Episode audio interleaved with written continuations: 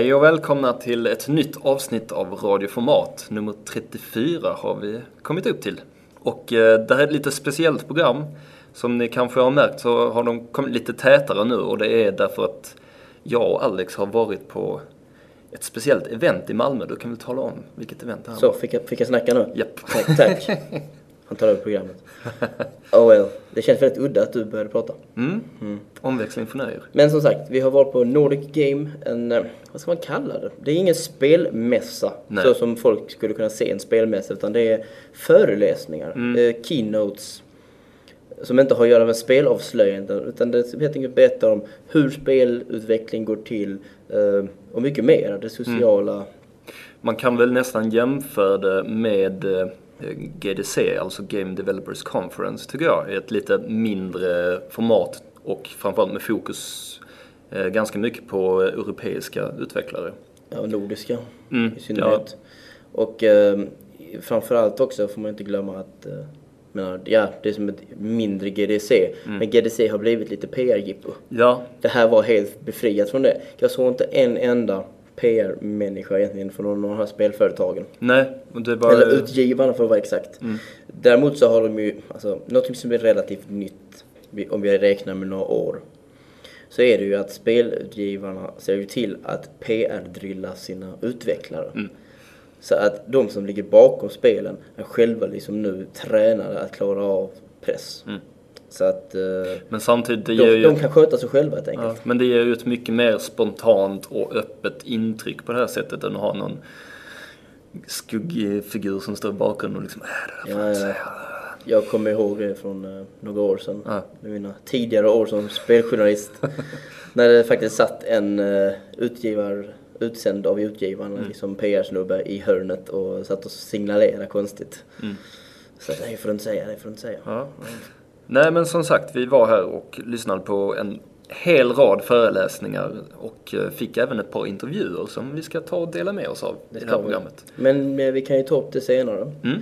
Och eh, vi börjar som vanligt med att vi ska berätta lite vad vi har spelat i veckan. Och vi har inte spelat så förbannat mycket. Nej, nu gick det, har ju bara gått en vecka sedan vi spelade in sist. Och jag har haft mycket att göra och så här. Jag har, inte, jag har inte hunnit spela någonting nytt direkt hemma. Nej. Så vi passade på att göra det på game, Nordic Game. Yes.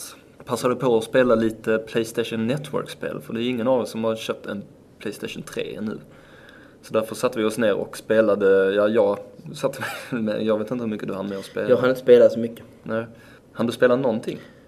tittade på Singstar. Aha, okej. Men eh, alltså Playstation 3-versionen? Jag såg det här planetspelet. Man åker runt på en planet som roterar. Okej. Ja, det var... Det missade du. Alltså, nej men jag tror du tänker på Blast Factor. Det är fullt möjligt. Det ser- ut som det hade Berätta lite mer om Blast. Factor Fredrik. Ja, Blast Factor är ju typ Sonys svar på Geometry Wars känns det som. Eh, med en liten spin att det är mer level, alltså banbaserat. Man hoppar liksom mellan celler och Men är det och de här som liksom är inne i små fyrkantiga burkar? Ja, ja. Det är inte. Hexagoner. Det är inte det jag såg. Nähä? Det här är på en... Har du spelat Ratchet Clank? Ja. Vet du minispelen som finns där när man springer på en rund planet? Ja, ja, okej. Den uppbyggnaden är det. Okej. Den är i mycket mindre format. Mm. Nej, det såg jag inte alls. Nej, då var det något mystiskt. Det Jag tror jag faktiskt att jag hörde att Oskar Skog från Level var där och han hade skrivit om, jag tror detta spelet. Han var väldigt förtjust i det. Det ska bli intressant att se det. Vi missade det. Ja. Nej men Blast Factor som sagt han är ju med och testa och eh, ja, det känns som Geometry Wars fast lite uppiffat. Eh, Jag gillar den här eh, mekaniken de har där man tiltar kontrollen snabbt. Eh, Så skjuter man liksom iväg en våg av vatten, för man är ju inne i celler det då tänkt som. Eh, Skjuter man iväg en våg av vatten som pressar undan fienderna och linar upp dem så att man enkelt då kan skjuta sönder dem. Och vissa fiender måste man använda den här tekniken för att kunna skada dem överhuvudtaget. För att de är, de är liksom upp och nervända så har de en sköld. Så skjuter man en våg så vänds de upp och ner så kan man skjuta dem i deras weak spot. som den For standard, massive damage. Precis. Nej, jag tycker det har skämtet gått lite långt nu va? Den är lite daterat nu. Ja. Men en intressant sak med det var att det växlade svårighetsgrad beroende på hur bra man spelade. Så att om du dödade fienderna väldigt snabbt och effektivt så ökade den svårighetsgrad liksom verkligen drastiskt och man kom liksom upp i hard väldigt snabbt. Men sen om du dog så gick den ner tillbaks till easy igen. Sen får vi inte eh, jag har inte spelat så mycket. Eh, som sagt, jag satt och eh, tittade på det nya Singstar. Mm. Och kollade in menyerna och så, för det är i princip det som är skillnaden. För att det är ju ingen, spelmässigt är det ingen ändring. Nej. Det enda som jag såg var ändrat på spelet var ju som att de har flyttat timern till under, eh, under texten. Okej. Det var allt. Men i övrigt så är det liksom det är idiotenkelt att navigera det här systemet. Det är verkligen gjort för mainstream. Vem som helst kan förstå det. Det finns sådana enkla förklaringar vad varje knapp gör. Okej. Du har Singstar-läget, uh, Pastor Mike, allt det gamla klassiska. Um, och sen har du Singstore, där du går in och köper musik. Det var så idiotenkelt, de har bakat in det i spelet. Mm, Så det är att, bra. eh, Så man inte behöver gå ut i eh, Playstation Store för att köpa grejer. Mm. Nej, de... Du får göra previews. Tack, säger jag bara. Mm. Previews med video. Mm. Direkt, direkt streamad video liksom. Mm. Ja, dessutom kom... Det var ju... Verkar ju inte vara direkt några laddningstider och klödd heller. Nej, det suttit väl, går De väldigt lägena, snabbt ja. det där. Ehm, nej, och så har, du köper en låt och så laddar du ner den. Och de var väldigt kraftigt komprimerade får jag säga för bara till HD. Oh ja.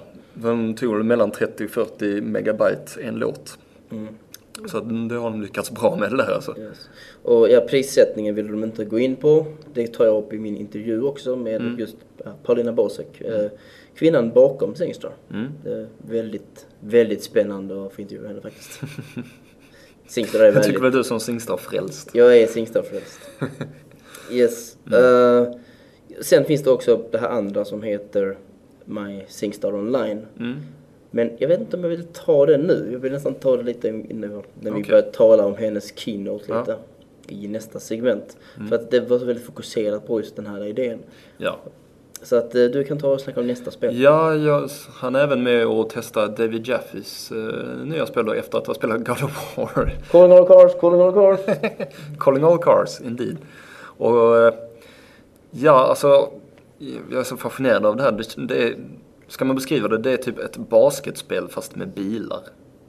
och tjuvar. Ja, Som agerar bollar. ja, typ. Så man- Så tjuvarna är bollen som man slåss om och sedan så kör man då in i tre olika dörrar som ger då Vissa vägar till de här är ju svårare och de får man tre poäng av och sen så är det en som är mellansvår och får man två poäng av och så finns det även en det säkra liksom. Mm. Ofta ner på marknivån medan de andra tvingar en att liksom hoppa eller köra för stora broar. Och Så. på ramper och liknande. Ja. Och eftersom man ska typ toucha, alltså röra vid tjuven så får man han in i bilen. Ja, han flyger upp i luften och sen så ser man en markör var han kommer landa. Så att Ja. det är lite så här att man måste se till att vara där. Då kan man liksom knuffa undan motståndare. Hur många spelar man samtidigt? Fyra kan man spela samtidigt. Kaotiskt? No, ja, det ser ut som kommer bli galet. För namnet, för Ja. ordet. Kan bli fruktansvärt kul i multiplayer. Och Jag såg även, jag hade tyvärr inte tillfälle att testa det själv, men jag såg fyra som spelade på en TV. Och det såg ut som att man hade ändå rätt så hyfsat bra överblick över banan. Det är mycket så här pilar som visar vilket håll man behöver Eh, köra. Tjuven markeras ute i hörnen i bubblor och sådana grejer om Mm. utanför skärmen. Och så har man vapen och sånt som man skjuter Ja. omkring. Nej, och det är alltid en markör som visar var spelaren som för tillfället har tjuven befinner sig så att man kör åt rätt håll. Nej, Men eh, nej, det, det ser ut som ett skitkul eh, multiplayer-spel. Så jag hoppas verkligen att någon kan liksom, att man stöter på någon i sommar som har en Playstation 3 så man kan sätta sig ner och verkligen bara lira. Eh, Eftersom att du har ett spel till att prata om så tänkte jag bara snabbt smita in att eh, jag faktiskt för första gången fick se EVE Online Ja, reaktion okej. på den här mässan. Det är ett gammalt spel. Mm. Ett spel som jag alltid tyckt var väldigt, alltså jag var väldigt fascinerad av det. För att det är för det första ett väldigt imponerande MMO-spel. Mm. Tyvärr missade vi ju keynoten av, eh, vad heter han, Hilmar. Mm. Som eh, ligger bakom CCP där.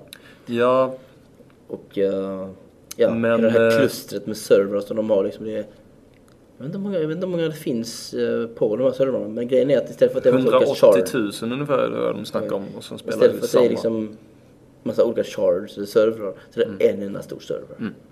Det är helt sinnessjukt. Och så är det så vackert.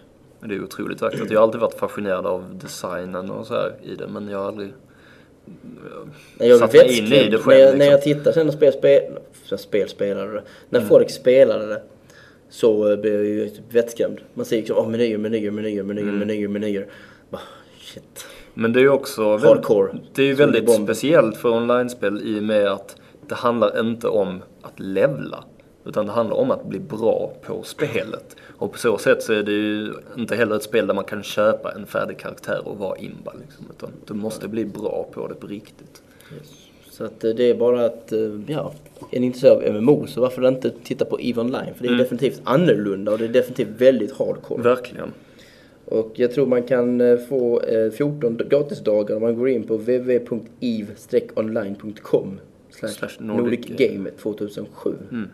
Jag tror i alla fall att det gäller alla. Eller hoppas inte det gäller oss. så får vi något väldigt dumt där. Uh, nej, vi får se. Ja, jag tror faktiskt man kan ladda ner gratisgrejer och så på Ja. deras hemsida. Ja, men de flesta brukar väl ha trial De brukar dagar ha som man kan testa spelet. Okej, då får du berätta om det sista spelet. Ja, eh, det sista jag hann med att göra var att leka lite med gula gummiankor på Playstation 3. I perfekt Phil Harrison-anda. Yes. Super Rubber Dub tror jag det, det här spelet heter.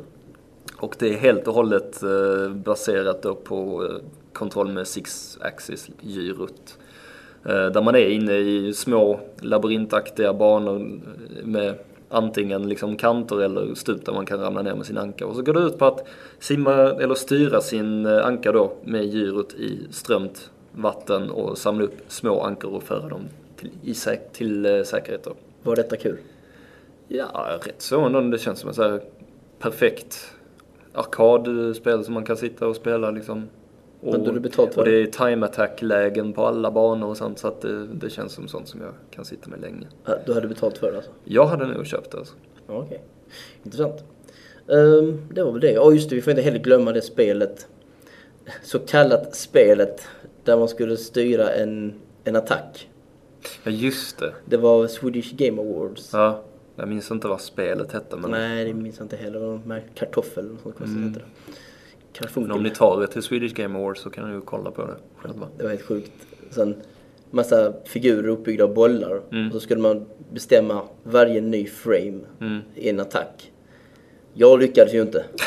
Min, min gubbe säckade ihop omedelbart. Han satte sig på arslet och föll ihop. Ja, fast det blir draw så du förlorar i alla fall inte. Nej jag vet, jag, jag, jag, när jag föll så nuddade min bollhand typ ankeln eller något sånt på kom- min fiende. Så det kom lite blod. Jag tycker egentligen borde du ha vunnit med tanke på att det var du som fick blod från honom, inte tvärtom. Nej precis, first blood. I och för sig låg du ner när matchen var slut. Ja. Men man såg ju alla exempel på sådana sjuka attacker där folk slog av huvudet på honom och Slet av sina egna ben och, Och bankade- dödade motståndaren med dem. ja, redan den här Jax-attacken. Mm. Så att, eh, ja intressant. Definitivt. Ja, men jag vet inte om jag vill kalla det spel fortfarande. Ja, Alltså. Kul var det i alla fall att se. Okej, det var spelen. Mm. Eh, då gör vi en liten musikpaus. En av de Yes. få som är idag. Ja, Vi har nämligen valt att ändra upplägget lite. Just för att vi har två stycken mm, i princip halvtimmes långa intervjuer Mm. nästan. Och som sagt, en med Paulina Bosek som ligger bakom Singstar och en med Ryan Lesser som är Art Director på Harmonix. Mm. Och som mannen som då ligger bakom designen på Guitar Hero och kommande Rockband. Mm. Och ja, alla andra spel som de har gjort. Amplitude och allt vad det heter, Frequency. Mm. Eh, men vi tar mer om det sen och eh, när vi kommer tillbaka efter musiken kommer vi att eh, tala om den första dagen på Nordic Game.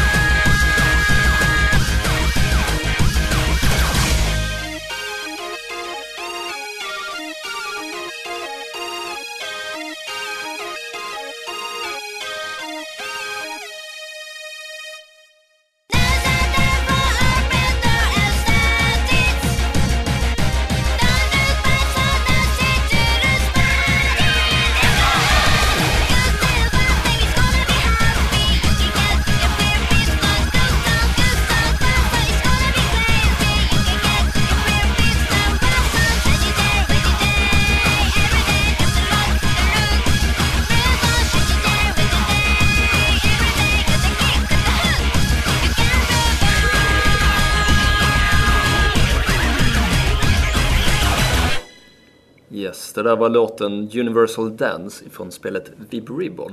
Du tar för givet att du ska börja snacka först i programmet nu eller? Jag, ja, men jag känner- kände att vi behövde presentera den här sköna Jag vet inte om man kan lita på dig. Mm.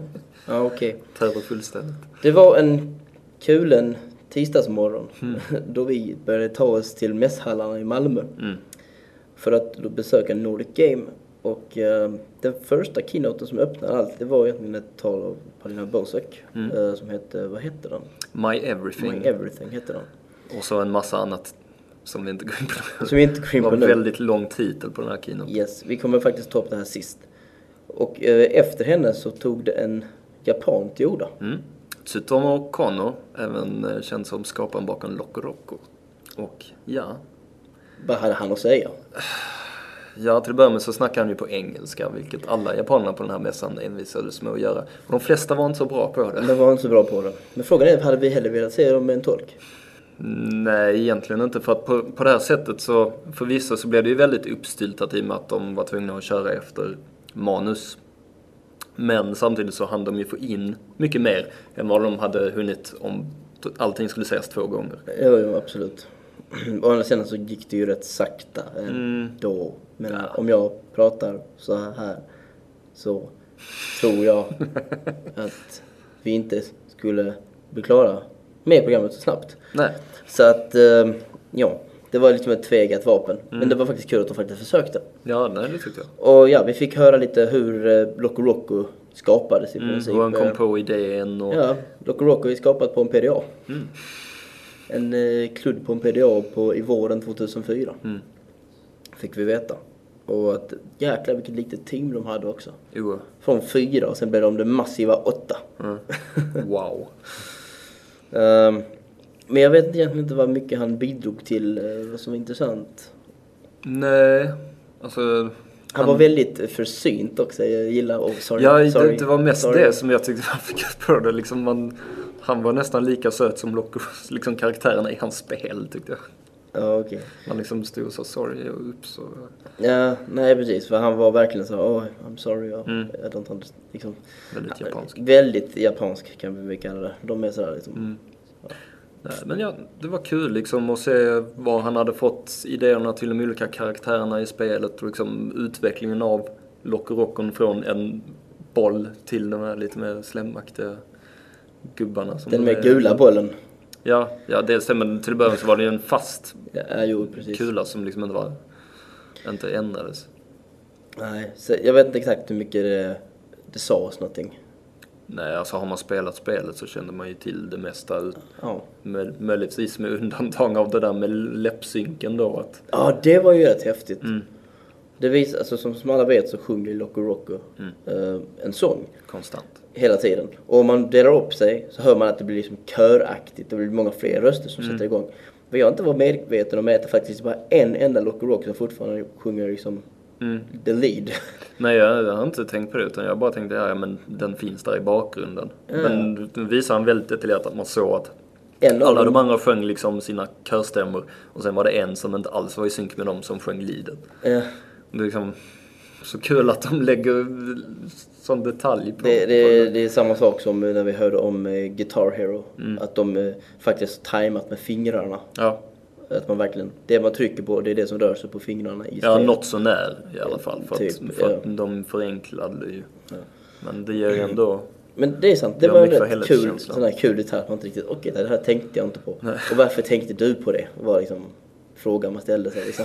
Ja, precis. Men det, det är alltid någon som tänker på sådana detaljer. Och det är, liksom, det är kul att veta att de har lagt så mycket tid på just det. Mm. Okej. Ehm, efter uh, Kono var färdig Mm. så uh, tackade han för sig och eh, vi gick till, uh, vad gick vi till? Spelplan. Mm. Det var intressant på sitt sätt men det intressanta är ju, det mest intressanta i det hela, intressanta, många intressanta ord där, ehm, var att vi faktiskt har snackat om spelplan i förra programmet. Ja, och att vi i princip hade pratat om allting som togs upp på den föreläsningen. Ja, den handlar om liksom, alltså debatten som dök upp om poster och allt Mm. det här.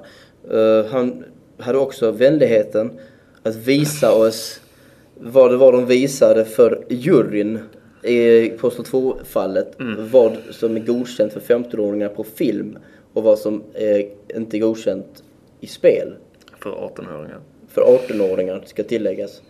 Och det var fan ta mig det mest brutala jag sett. Ja, det var ju väldigt grafiskt obehagligt. Väldigt. Först tar de liksom, vad var det, gängbråk ändå på något ställe? Ja, det var något diskotek. Slängde ner snubben på golvet, knäcker armen på honom. Vad det tycker jag är obehagligt, för jag gillar inte när ben Ja, knäcker. det reagerar inte jag så mycket Nej på. Det men jag tycker som liksom bara, uh, nej. Ehm, som sagt, jag, kan, jag ser hellre att liksom lemmar kapas av. Alltså, Starship Troopers, be my guest liksom. Mm. Men när han knäcker armarna så blir jag liksom bara. Men sen så liksom sagt tog de brandsläckaren Mm. och bara dängde i huvudet på honom. Liksom, Dängde den i ansiktet. Mm. Om och om och om igen. Det där liksom klonk ljudet. Jag, Mm. Det var inte så mycket det jag tyckte var obehagligt. Det var mer så här mellan slagen där man såg liksom ångesten i ansiktet på honom när han låg på marken och liksom bara... Men han sa fortfarande skitsaker. Han snackade skit med killen, om Mm. Precis. killen fortfarande. Han var stenhård. eh, ja. Nej men och sen slutade det med då att han typ slog ihjäl honom då. Ja, han sa, att, eh, han sa sen liksom att han, eh, han avbröt ju det. Ja, nej, men man behöver ju liksom inte se, se honom banka den i huvudet på honom 20 gånger för att fatta vad som händer. Nej, nej, nej. Som sagt, Per Strömbäck som talaren hette. Mm. Han avbröt och sa, ja kan ni tänka er hur det kändes för juryn som skulle sitta och titta på sånt här material i en halvtimme. En och en halv timme tror jag. En och en halv. 17 Åh. olika filmer som de visade klipp på. Oh, God. Snacka om att liksom verkligen ge svar på tal och liksom verkligen köra sin poäng Jo, för juryn. botten. Ja. någonting jag också tycker var väldigt intressant, för vi hade glömt, vi glömde bort detta i förra programmet. Mhm. Eh, Rule of Rose. Ja, just det. Det togs nämligen upp. Det hade jag helt glömt bort. Ehm, och det var lite intressant, man fick veta att det dök upp i en italiensk tidning och sånt, magasin. Som inte riktigt kändes som ett spelmagasin för fem öre. Nej, verkligen inte. Jag vet inte vad det kändes som, en Cosmopolitan eller någonting. Och de har gjort en felcitering verkar det som. De har ju hittat sig. på grejer till att börja med. Alltså, hela det här med levande begravd. Jag har ju kollat på de sekvenserna i spelet. Som sagt, jag tror vi snackade om det här tidigare. Om det var förra För ett året. halvår sedan tror jag. Jag har ju kollat på de här sekvenserna och de blir ju inte ens levande begravd. Man tror att de ska bli det, men de blir det inte. Nej. Och även om de hade blivit så är det ju inte värre än Kill Bill som var, var då 15 år. Och var levande begravd. Ja, Hon precis. blev ju verkligen det. Hela, filmens poäng i början är ju den sekvensen. Ja, Så det är ju inte så överraskande. Well. Eh, det var spelplan. ja. Det var Vi, eh, inte jätteintressant. Även om han då inte... Vi jag anser att vi två, tre, förlåt mig, vi var Johnny också. Mm. Var ju lite mera neutrala i vårt snack. Ja, Han är ju extrem på sitt håll, men det måste man ju vara kanske när man slåss med makter som fair play. Mm. För självklart togs också fair play-dokumentären upp och liknande. Eh, För att han hade haft ett tal om detta i 2004. Mm. Ja, och sen nu två år senare så berättade han vad som hade hänt. Och det hade eskalerat helt enkelt. Mm. Nej men det är klart att han är partisk. Jag menar han, som sagt han driver då spelplan som är en intresseförening för utvecklare och sen en jävlen i högsta grad inblandad då i MDTS och även med PG och så här. Så att det är klart att han är hårt för den sidan av Ja. Just det, PG. Jag har sett döden och han heter Jürgen Bench. Jörgen Bench. Han kan i alla fall ta död på en med sitt snack. Ah, Det var nog, det var nog mässans tråkigaste tal. ah, Det var, det var information, information, information, information, snack, snack, snack, snack, snack, siffror, information. näsa. Näsa. Killen hade en stor näsa. Vi ska inte vara nu är vi elaka. Ja men, Ja, men, nej, men jag, jag håller med. Jag, jag såg skuggan på honom i profil. Men det är väl liksom ett tecken på hur tråkig och ointressant föreläsningen är ifall man börjar tänka på hans näsa mer än någonting annat. Ja, jo, visserligen. Men det var en informativ. Vi ska ge dem det i alla fall. Ja, det var det. Alltså, vi fick ju göra, jag fick ju lära mig någonting i alla fall. Mm. Jag visste inte om PG online, det är helt nytt. Ja, det är ju nytt. Det är ett nyinfört system som Mm. de har lagt till i PG-systemet. Och vi- jag rekommenderar er att gå in på den sidan. www.pgonline.eu Mm. är adressen. Där ni kan hitta all möjlig information om liksom sånt här. Och I synnerhet kolla in listorna på vilka spel som eh, alltså märkta vad och liknande. Det, Ja, de skulle ju... Tanken med det här nya var väl just att få mer koll på online-spelen. Eh, Alla spel som överhuvudtaget har något sorts online-element kommer märkas med den här nya ikonen då, PG Online. Det blir många sådana märkningar i Det framtiden. blir väldigt många sådana märkningar. Eh, och sedan så lite vet jag inte om jag förstod honom rätt. Men det lät som att de skulle ha information då till föräldrar och så här om de enskilda spelen. Så att man kan liksom kolla varje spel, lite information och sånt om det. Nu vet jag inte om jag Ja, förstod honom rätt. Han Jo, var ju väldigt så här vad bara, right. utan att gå in så mycket i detaljer. Men, ja, Så liksom, snacket om PG Online bara, ja, det är summeringen. så kan vi sammanfatta. Så efter vi höll på att somna på det och efter vi har haft lunch tror jag till och med, eller nej det hade vi inte då. Så var det dags för något lite mer färgsprakande. Mm, minst sagt. Masaya Matsura från Nana Onsha som har utvecklat Parappa the Rapper, I'm Jammer Lammy, Vib Ribbon som vi lyssnar på musik från. Moji Ribbon. Ja, och Vib Ripple och Vad hade han med gjort? alla de spelen. Alla de spelen. Inte aktuell längre då. Eh, han snackade ju om där på slutet vad de höll på med att utveckla just nu och det verkade ju inte som att det var något direkt konsolspel på väg. Han visade ju upp det här Rhythm, eh, heter det va? Eh, som skulle vara ett enkelt mobilspel för då eh, mobiler med MP3-uppspelning där man liksom, man startar en låt och det är som en sorts music quiz och dyker det upp Ja just det, det spelet. dyker upp bokstäver och när det dyker upp bokstäver som är en del av låttiteln så trycker man på OK och så åker Eller den tryckte ner. man på bokstaven på telefonen. nej, man tryckte på en knapp. Tryckte på en Det knapp. var baserat på en knapp. Väldigt snyggt dock. Väldigt snyggt. Lär aldrig släppas utanför Japan. Men Mm. okej. Nej precis. De har ju mycket mer avancerade mobiltelefonspel än vi. Jo, ja. Mhm. Jag tycker alltid det är så komiskt att svenska mobilspelsutvecklare liksom försöker framstå som cutting edge i mobilspel. No they're not. Jag tror de har väldigt dålig koll på vad som finns utanför Europa. Förmodligen. De är cutting edge i Norden kanske. Mm. Det är väl det. Well, det säger inte så mycket. Eh, han startar sin föreläsning rätt intressant också genom att visa en liten minifilm. Mm. Sen gjorde han den en gång till. Mm. Och så ville han fråga vad var skillnaden. Eh, jag såg en av dem. Mhm. Jag såg att de hade lagt, det var en lastbil som körde förbi. Och så där var det att Nordic eh, Game-logotypen hade plötsligt klämts in. Det såg jag. Mm. Det andra var lite knepigare.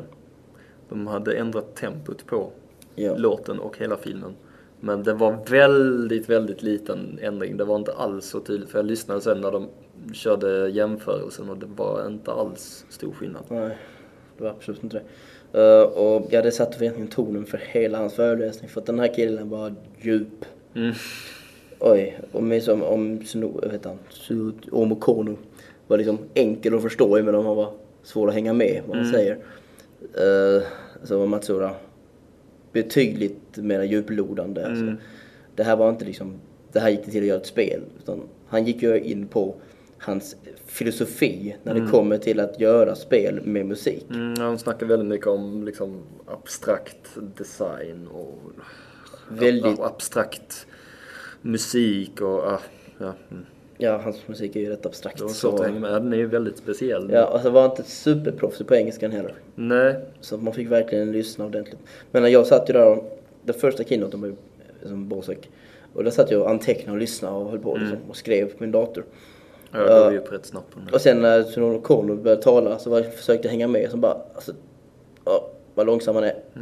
Och jag måste koncentrera mig jättemycket för att höra vad han säger liksom. så bara la ner det. Och samma sak gällde Matsura, jag liksom, jag klarade inte av det. Så jag bara slog, slog mig tillbaka och lyssnade istället. Jag försökte liksom hänga med i vad han sa överhuvudtaget. Men, mm. Men eh, ja, som sagt, abstrakt musik och konst och eh, hur han, han tycker att folk som inte sätter musik i första hand är inte konstnärer. Nej, det var ju ändå en rätt så intressant eh, filosofi som han hade där. Att han, han anser att musiken ska väldigt mycket vara en, inblandad i ett tidigt stadie av spelutvecklingen. Så att musiken verkligen känns enhetlig med spelet på ett annat sätt än vad det blir om man till exempel gör hela spelet och sen så ber liksom en kompositör som kanske sitter i en annan världsdel till och med. Men om den personen skulle sitta i samma världsdel, samma kontor, skulle inte han kunna göra en enhetlig låt som passar till temat? Jo, men det är klart att den kan passa till, men det blir ändå inte samma sak som att musiken liksom även färgar design Jo, och utveckling av musik, själva spelet. Så låter det ändå som att det kan... Så när han, han gör ju musikspel. Precis. Det är ju inte så jäkla konstigt att han tycker på det viset. Nej. Men om man ska göra Halo. Jo, det är klart att det helt handlar om vilken sorts av, av spel du gör. Jo. Ja, ja, men, Men, om man eh, snackar om musikspel, ja. självklart ska musiken ligga i bas egentligen. Det är väl rätt många eniga. Men jag tror vad han menar är att musikern i det fallet inte är lika fri i sitt skapande utan det blir mer att han liksom försöker göra någonting som passar och han blir styrd av det som man ska göra musiken till. Medan man har en mer frihet om man skapar musik och sen i efterhand gör någonting som passar till musiken. Okej, nu blev du för djup för mig. Nej. Jag tyckte det var väldigt enkelt. ja, precis. okej. Eh, sen hade vi, det, så kom det en liten gäst. Mm. En liten, eh, liten plastig robothund Senaste versionen av Aibo. gjorde besök. Ja, jag vill ha en sån. Och vem vill inte det? Och han eh, visade att den har lärt sig att sjunga, Ja. eh, imitera men sen också även fortsätta slingan. Förändra, Förändra. förändra och eh, ja, improvisera. Improvisera vidare på en Mm. låtslinga. Och hela det nådde väl kulmen liksom. För, ja, för det första var det en annan japan som tog ord. Tog till orden när det var Aibos tur. Det var fan ännu svårare att följa Det var en robotdesigner. Ja, okej. Uh, men det nådde sen kulmen när de bara gjorde ett jättefreaky så här, acid trip musikstycke. Att det var grymt. Där Det, var, det Aibo- lyfte ju hela den Aibo föreläsningen, tycker dansade och sjöng. Ja. ja, Matsura och eh, Aibo turades om och, och sjunga den. Det var väldigt häftigt. Ja, precis. Han hade sån här mick framför förvrängde rösten. Mm. Så att jag såg först inte att han sjöng faktiskt. Sen insåg jag att oh crap, det är han som låter. Mm. Som ett monster. Nej precis, det blev en sån jättefreaky trip ute på, på skärmen liksom. Med Parappa the Rapper och allt möjligt liksom som man Mm. Ja. såg på skärmen. Jag, jag, I det läget så kände jag, åh, varför gjorde de inte en konsert av hela den här föreläsningen? att det, han gör ju väldigt speciell och glad musik framförallt. Mm. Man blev väldigt glad av hans musik. Jo, det, det, Wib Ribbon Mm. var väl bevis nog för det va? Okej. Eh, sen går vi vidare och vi gick vidare till ett något mer intressant, Mm. i alla fall för mig, jag tyckte det var intressantare, Ja, det var att höra om, vad hette han här, Jomo, Jomo Kwon. Mm. VD för Nexon. Som är... Och nu säger alla, vad är Nexon? Det är ju konstigt egentligen när man tänker efter att många säger så, men det är väl för att deras spel inte är kända här. Men i deras hemland, Korea de och framförallt. Asien, är de fruktansvärt stora. Jag skulle vilja påstå att de är störst på online-spel i världen överhuvudtaget. I och med att de är i det området där. Ja, och totalt på sina spel så det om 350 miljoner användare. Hur många procent var det av Korea som var... Ja, nu gick de in då på, det var på deras senaste spel då, Kart eh, Racer. Eller det var- Rider. Kart Rider. Eh, det var inte deras allra senaste spel när jag tänker efter, men det är det, det som är störst. Jag tror det var så här 64% av den koreanska befolkningen som spelade det här aktivt. De var typ, vad är de, 20 miljoner eller vad var de? 30 miljoner Oh my god. Det är många människor som spelar spel. Han sa det, om du inte spelar Kart Rider är du inte en del av den sociala strukturen. du är ingen om du inte spelar Kart Rider liksom. Då, då, kan du inte, då kan du inte vara med i Men konversationer. du kan se det som en väldigt populär tv-serie liksom, som alla diskuterar om alltid. Ja, och det finns tv-serier, det finns merchandise, det finns allt. De har gjort, vad var det, Eh, samarbete med Coca-Cola. Mm. Nej men det är som sagt, de lever ju på försäljning av eh, andra grejer för att de, tar, de har ju en väldigt speciell prisstruktur på sina spel. De tar inte betalt för att spela själva spelet men sen om du vill ha ut speciella delar av det som framförallt nya föremål för att antingen få nytt två. utseende eller förbättra dina förmågor. Det fanns två prisstrukturer. Månadskostnad. ja men de använder inte så mycket så det. Nej, nej, nej. Men, och sen så var den andra i att då lever de på att du köper lösdelar. Ja.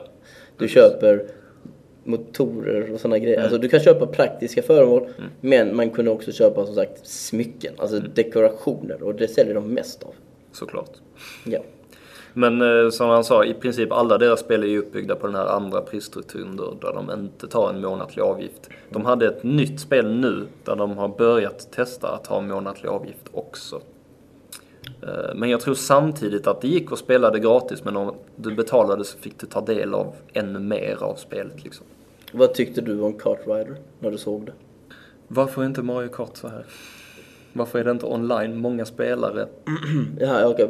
Det var lite speciellt att det var, det var team, alltså lagbaserat. Ja, det också var intressant. Det handlar inte om att komma först i mål sa han. Utan det, Det handlar om att se till att en i ditt lag kommer först. Ja, så det räcker att en kommer först. Och det gör ju antagligen en helt annan typ av känsla. Att folk blir lagmedlem, alltså lagkamrater. Om det nu finns något djup i spelmekaniken så är det ju lätt, lätt att förstå att det kan bli populärt. Ja, Ett annat spel som de ligger bakom är eh, Maple Story. Så är rätt nu? Bra. yes. Detta har du spelat. Ja, sidoskrollande online-rollspel. Eh, Med söta, söta japanska figurer. extremt sött och gulligt och fienderna är så söta att man knappt vill slå ihjäl dem. Liksom, det, är svampar och grisar. Lite, lite mana-estetik på det hela. Ah. Men eh, ja, Och det är samma sak där. Man köper tillbehör och dekorationer och- för att, för, att sticka ut. Det är det man vill antar jag. För att du vill känna dig unik i den världen. precis. Och de har precis öppnat en öppen beta på det här i Europa nu. Så att har ni inte testat det innan så tycker jag gå ut och testa det nu liksom, när ni har chansen. För det, det är väldigt annorlunda om man jämför med västerländska online-rollspel som WoW och, så. här. Det är en helt Men vi kan annan ju känsla direkt säga att västerlandet har ju någonting att lära ifrån. Ja, alltså det var ju det man reagerade mycket på. Det snackas ju ofta om att oh, wow, det, det är så många användare i det. Alltså WoW låg på tredje plats på några av länderna han pekade ut. Och sen låg det ännu längre ner i andra länder. Alltså. Det, visst. Alltså, men det räcker att du är på den placeringen i de här länderna för att få många användare. Jo, ja. Det är ju därför WoW kanske har 8 miljoner liksom aktiva användare. Förmodligen mycket tack vare de länderna skulle jag vilja Mycket. påstå. Det räcker att bara ha liksom en liten procent av de här länderna så har du mängder med spelare. Så, um, men det var, jag tycker definitivt det var en av höjdpunkterna under hela Nordic Game, den här föreläsningen. Han var bra på svenska. Nej, han var fan inte alls bra på svenska. Han var bra på engelska. Ja, Och eh, först var det massa statistik och siffror och sånt här vad, vi, vad de sysslar med och eh, hur bra det går för dem i princip. Men sen han kom in på spelen och berättade populariteten och allt det här. liksom, Man bara, Ja, blev, man bara, det bara slog en. han tog, wow. tog ju upp rätt så rolig statistik, statistik om de olika spelen också. Som Kart Rider då till exempel, där de har haft produktplacering av, vad, vad var det, Hyundais senaste Ja, bilar. och även Coca-Cola som sagt. Ja, jo men framförallt Hyundai tyckte jag var roligt för att deras senaste bilmodell var med i spelet. Och de hade sålt, vad var det, Ja, just det. tio gånger så många i spelet som de hade sålt själva. För verkligheten. Ja, Jag det tyckte det var var lite komiskt. brutalt stort. Och så, så, så, så, så, vid ett tillfälle så sa han där How many was it in Sweden again? Ja, just det. Ja, För att de har sålt liksom, eller antal spelare. ja det var någonting antal spelare, de hade typ 35 miljoner på något. Nej, han, han sa för 9 miljoner på en punkt. Och sen så sa han då, ja, hur många var det nu i Sverige? Mm. Så man inser man, oh, ja, hela Sverige liksom, en folkmängd på hela, som hela Sverige sitter och spelar det här spelet. Mm. Kart Rider hade även slått eh, rekord ganska nyligen i Kina. Eh, över då världsrekordet hur många spelare som var online och spelade samtidigt. Ja. Och då var de uppe i 800 000 Både, på både, en gång och detta var bara i Kina. Ja, Maple Story, samma sak, ligger också där. Och de tror att de kommer klättra upp till över en miljon Mm. Aktiva användare samtidigt i år. Det är helt sinnessjukt. Ja, det är vansinnigt Lunarstorm, och dränk dig. Alright. Uh, har vi något mer där som vi såg? Ja, sen har vi den där sista där vi delade upp oss. Det Ja, var just enda det. gången under dagen som vi gjorde det. Ska du börja? Ska jag börja? Ja, jag kände mig tvungen att gå och, och kolla på en kille som heter Daniel Paladin som jobbar med företaget The Behemoth. Man får väl säga nästan att han är med och driver det. För de är en liten grupp på åtta personer tror jag ungefär. Och eh, The Behemoth eh, har de flesta, känner nu till dem tack vare Alien Hominid. Om de har spelat det på Playstation 2 eller GameCube eller nu senast då på 360. Men de började ju faktiskt göra sig ett namn på sajten newgrounds.com som är en sida för flashfilmer och flashspel och sånt. Eh, där de bland annat gjorde ett spel som hette Daddy and Me. Eh, och det var där jag upptäckte dem. Eh, väldigt speciellt spel där man spelar en, en mobbare som går runt och slår ihjäl små oskyldiga barn i, i Flash. Men tack vare deras väldigt speciella estetik så, så blir det ju inte stötande utan bara roligt. Och han satt faktiskt och visade upp det här spelet även i slutet av presskonferensen och alla skrattade i, halvt ihjäl sig när de slog ihjäl de här små barnen. Ja, okej. Okay. Just det, det gamla eh, spelet ja. Mm. Ja. Men sen då framför allt naturligtvis så, så visar de ju upp deras kommande spel Castle Crashers till eh, Live Arcade som jag väntar med väldigt mycket spänning på. Och sen snackar han ju då om hur han går tillväga när han designar hjältar och monster och bakgrunder och allt sånt här liksom i sina spel. Jag tyckte det var väldigt informativt och kul att se hur han gick tillväga. Okej. Och jag gick på en eh, paneldebatt Mm. om, eh, ja, är speljournalistiken död? Mm. Hette den. Och jag tyckte inte att debatten i sig levde upp till det namnet. För att den, den jag, tyckte, jag tyckte inte det kom någon vart om man ska vara ärlig. Det var rätt, det stod still, vi hörde mycket som man har hört tidigare. Mm. Eh, tog jättelång tid, det första inledande snacket med, nu kommer jag inte ihåg vad han heter, Thomas tror jag han heter, från Pajla eller något sånt, med ett Okej. finskt spelmagasin. Eh, som tyckte att han inte är en speljournalist. Journalist. Han, han är skribent, men han, är, han vill inte kalla sig journalist. Det är den här typiska grejen med att, att en, eh, är man bara journalist om man är utbildad som det. Mhm. Och hela den grejen. Och sen tycker man höra lite hur det ligger till i olika länder. Till exempel visste om att Norge är det, det enda spelmagasinet i Norge är Game Reactor. Aha, Det är en gratis tidning och den är baserad egentligen i Sverige okej. och i Danmark. Så det finns ingenting där. Vi hade en, eh, en eh, norsk speljournalist som, heter- som jobbar för en, en eh, vad heter det, en dagstidning. Mm. Det heter Snorre någonting. Han gjorde Ja. det faktiskt. Jag kan ju förstå om de tycker det är lite kast om de inte har någon ordentlig tidning. Och den som skötte det hela var en speljournalistik från politiken i Danmark. Mm. Och sen eh, våran Susanne Möller Mhm. på Level och Dagens Industri. Nej, Dagens Industri. Dagens, Dagens Nyheter, Nyheter. menar jag såklart, var ju där. Hon var rätt tyst. Hon sa saker men hon var rätt tyst. Eh, sen har vi någon, eh, en, en österrikare, som jag inte kommer ihåg vad han hette. Som drev ett radioprogram om spel faktiskt. Ah, Kollega till oss. Eh, och den mest intressanta på hela eh, panelen, som jag nästan misstänkt skulle vara den mest intressanta, var Patrick Garrett. Som är eh, ja, chefredaktör eller drivande kraft bakom Eurogamer. okej. Och han gav oss lite insikt i den eh, engelska speljournalistiken liksom, och Mm. industrin och hur det fungerar. Ja, Och han tycker att det är liksom på nedgång. Den enda som kommer vara kvar om några år är Edge och Mm. förmodligen Eurogamer. För att online-formatet good riddance. eh, växer. Ja. Växer rejält. Men jag vet inte, jag har ingenting att tillägga om det här.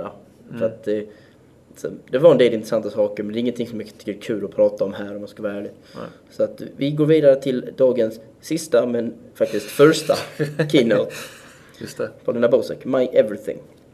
Mm. Hon, eh, ja, allting grundades ju egentligen i Singstar helt enkelt. Och det var det här jag ville snacka om när vi pratar om spel och vi har spelat. I Singstar så finns det något som heter My Singstar Online. Och det betyder att du kan använda Playstation Eye för att spela in dina olika framföranden om du vill det. Och sen kan du lägga upp dem på nätet. Eller på ja, något slags internt nätverk antar jag. Och så för allmän beskådan. Och jag har ju hört detta tidigare men jag har inte fnyst, liksom fnyst åt det för jag bara tänker ah, det där låter ju liksom galet, vem sjutton vill göra det? Och sen visade det sig att många vill göra detta. Det är självklart de vill göra. Har du inte sett sådana videos på YouTube innan? Jo men jag tänkte inte inte just så med långt. Singstar kanske, men alltså Nej. meme-videos finns i tusentals och... Det fanns 2500 Singstar-videos Ja. faktiskt. Och sen finns det flera tiotusentals mimik-videos Ja. som ja, Numa Numa till exempel som hon drog som exempel. Mm. Och när jag såg detta och insåg det så var det bara Oj, Mm. jag har undervärderat det här läget fruktansvärt. De rider ju verkligen, alltså de försöker ju verkligen rida på den här trenden som är just nu 2.0. med, med user created content, vad fan skulle man säga på svenska? Användartillverkat material. Material, typ. Ja, det låter så dåligt på svenska. Jo. Nej men just det här att folk gör saker själva och, och delar med sig av och, och även det här iTunes-tänket med att oh, jag vill ha den låten och jag vill ha den låten och, och lite som vi ser av nu i Ja, och med ja. att fler och fler konsoler Det handlar går om online. att du har Det handlar om att skapa sitt eget material och valfrihet att kunna skapa det. Som Mm. sagt iTunes, playlists, eh, Nike någonting. Ja, de Gör har den här... skräddarsy eh, skorna. Precis. Kan Och en rad andra grejer. Att valfrihet är framtiden i princip. Mm. Och Singstar vill vara med på det. Mm. Och jag tycker det ser lovande ut om jag ska vara ärlig när jag såg det nya Singstar och när jag hörde hennes tal. Ja. Och eh, ja, förutom att höra hennes tal så satte jag mig ner med henne eh, privat eh, dagen efter faktiskt. Och pratade lite mer generellt om Singstar för att jag, är ett stort fan av det så att eh, Minst sagt. Så att jag hade en del saker jag verkligen ville ställa henne. Detta är lite av en drömintervju för mig faktiskt. Jag tror så sent, så sent för kanske två år sedan så satt jag och bara funderade på undrar vad jag skulle säga om jag fick chansen att tala med någon på Sony om, Om Singstar. om Singstar. För jag har så många frågor om vissa saker. Och ja, idag, eller vad var det för några dagar sedan, så fick jag chansen att tala med kvinnan faktiskt som ligger bakom spelet. Och det kan ni få höra nu. I'm sitting here with Paulina Bosek, game director and executive producer of the SingStar games from Sony Computer Entertainment Europe. She's the mastermind behind the epidemic that you know as SingStar, a highly successful karaoke game on Sony PlayStation. We don't have much time, so let's go directly to the questions. So, where did you all be- where did it all begin? I mean, tell us why and when SingStar was born. Um, sure. Actually, SingStar has been in development for quite a long time. Um, before it became the SingStar that everybody knows these days, it was actually uh, it started its life as a R and D project. Um, there was a, a few programmers working on the using voice as a game control method, and they were spending a couple of years really uh, figuring out the pitch detection system and making that very robust and solid. So it started as an R&D project, and at the time, the theme of the game was actually quite different. There was a very, there was a kind of a basic concept, and it was called Sing Along Safari, and it was a, it was a young girl's game, and it was about a, a young girl singing with animals. So it's quite different to what it is today, or maybe similar. Depends on how you look at it. But um, so what happened is we started to develop the game further, and we decided to really boil it down to really just the, the true essence of the game, which was singing and the fun around singing, uh, rather than kind of have a story element of singing, with, you know, with animals or any kind of fantasy element. And over time, it became um, more about the singing, and we added a kind of more contemporary feel with modern songs or songs that everybody knows and loves, and also uh, music videos. And then the big, I think, step was the addition of two microphones. And when we had when we added two microphones to the game, it really um, blossomed into the multiplayer and social experience that it is now. The special thing about SingStar is that you see this line that you have to go through, and you still hear the original artist. When you're playing a karaoke game, you don't hear anything. So it's kind of, I mean, if you don't know the song, then you're quite dead. It's But- quite hard, yeah. yeah. yeah. definitely. I think um, when people sing with SingStar, it's a little bit easier because they have the guide vocals. Um, and also, it's kind of fun because you're kind of singing, you know, with that star. Um, Instead of games like Guitar Hero, when you die if you do something wrong, you can still play. I mean, it's always fun to play SingStar, even if you're bad. Yes, that's true. I think that there's two things there. One, uh, our, our approach is very much, you know, let's, you know, it's a great social party fun game, and I think the main point of it is it not, it's not about you playing against the, the program. You know, it's not about singing correctly. It's about um, a multiplayer experience. So you're actually singing against your opponent. Um, so that's why you know you, d- you, there's no concept of dying. You know, and, and the song finishes. It really, it's about you competing with whomever you're you're battling with, um, and whoever gets the better score. All right. Um, how do you go about when you're licensing your music? It always seems to be the same artists in kind of ways on the discs. Are they connected to Sony Music in some way? Uh, no, not at all. Actually, we work with all labels, all big record labels and small and publishers. Um, so we, uh, we we speak to everyone, and we basically start by trying to find to get the best songs for that release. You know, whether uh, depending on what genre it is or um, who the audience is for that release, if it's younger audience or older audience.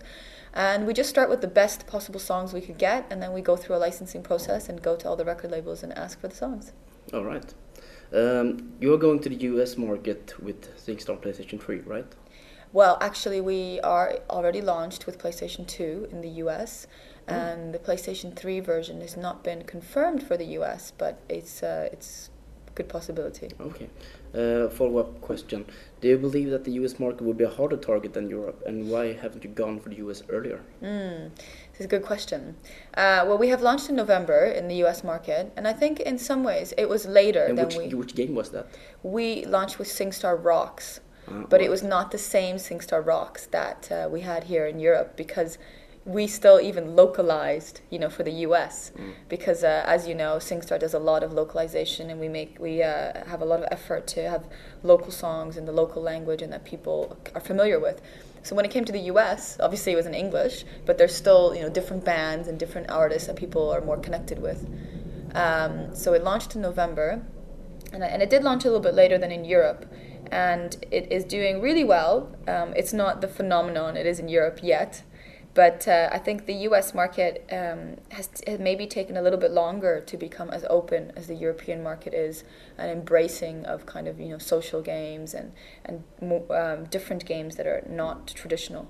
The U.S. market seems to have taken a little bit longer to get there, but now with SingStar out and Guitar Hero out, obviously doing you know amazing, amazing numbers, and uh, So people an are opportunity. yeah, it's a huge opportunity, and people are experiencing that kind of gaming, and I think there's new people coming into gaming in the U.S. now, which is great.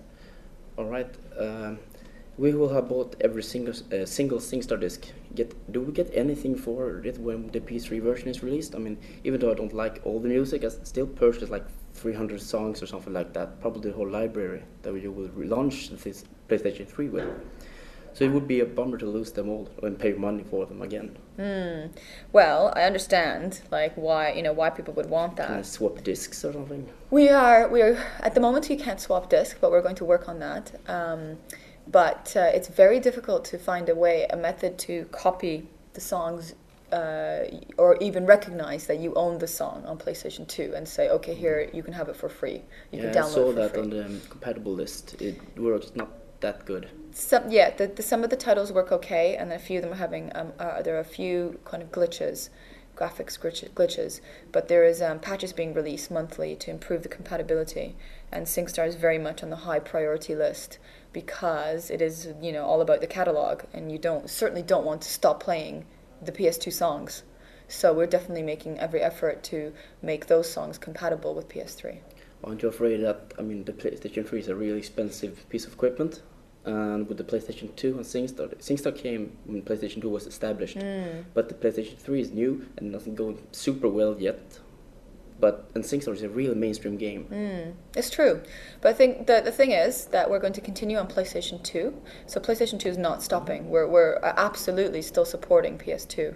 Um, and we're very enthusiastic. We have still lots of more ideas, and there'll be more, much more music on PlayStation 2. And when it comes to PlayStation 3, I think you're right that it's a different, you know, uh, it's a different uh, audience at the moment. It's it's more limited and it's maybe more hardcore or traditional gamers. But I think it's a good thing that we have a game like SingStar out early because it, it's really it's about entertainment, you know. And if we didn't release a game like SingStar until much later, I think we would be back where we were, you know, few years ago on PlayStation 2, where it was much more traditional um, market and we didn't have a variety of games. So the fact that SingStar is there so early in the um, platform's life, I think is a very good thing. And it means that, you know, this is maybe the game that you can buy for your family, for your girlfriend, you know, for your friends. Um, you know, I'm sure there's there's still lots of fun experiences that can be had on PlayStation 3. Right, here comes a long question. What do you personally think would be a reasonable price? I'm not asking for the price for the songs in the Sing Store. Activision has gotten a lot of criticism for the bundles they do on 360. On iTunes, the song costs around one dollar, and an episode of Lost goes for 1.99. That's around 15 kroner. But we don't have TV series here yet, so I just estimated. I don't want to hear your pricing structure, but when you put a TV episode that is 45 minutes long against a song that is three minutes long, it's hard to make not, not to not make such comparisons. So it would be more fun to focus on the music rather than pricing. And I also believe that you will manage to sell more songs if they are cheap rather than expensive. So what are your thoughts about this? Yes, um, I think that the two comparisons that you raise are relevant. Uh, we are definitely looking at something like iTunes pricing, um, and because that has set up a lot of consumer expectation. Um, but I think the other the other really very good comparison is music videos. So music videos, um, What know, are a music video costing on iTunes? um, I believe that they are one pound eighty nine in, in in pounds. So maybe something like one ninety nine or Oh, okay, so about the same price as a TV series Um, episode. Perhaps, but our, our pricing is going to, we're, what we're trying to do is, is get somewhere in between, you know, a song and a video. So I cannot announce the pricing no, right no, now. I didn't ask for that, but I'm just thinking that I don't, I don't want to pay like 20 kroner for a song or, or a video. That seems steep. What is 20 kroner? 20 kroner is maybe 250 to oh, 30 okay. something like that. Well i agree that's quite a 199 is 15 right. And that's quite reasonable. Okay I, I agree that that's quite a steep price and our approach with the the, the um, store sing store pricing is absolutely to make the songs priced as low as possible. Mainstream very mainstream, and also the point I think my you know the biggest point for me is that one song does not make a Sing Star party. You know, No, it's not, not. it's not about buying one song, and we don't want people to feel like oh I can only afford you know three songs. Ooh, everybody you know in the party, please all make up your minds and all agree on these you know three songs.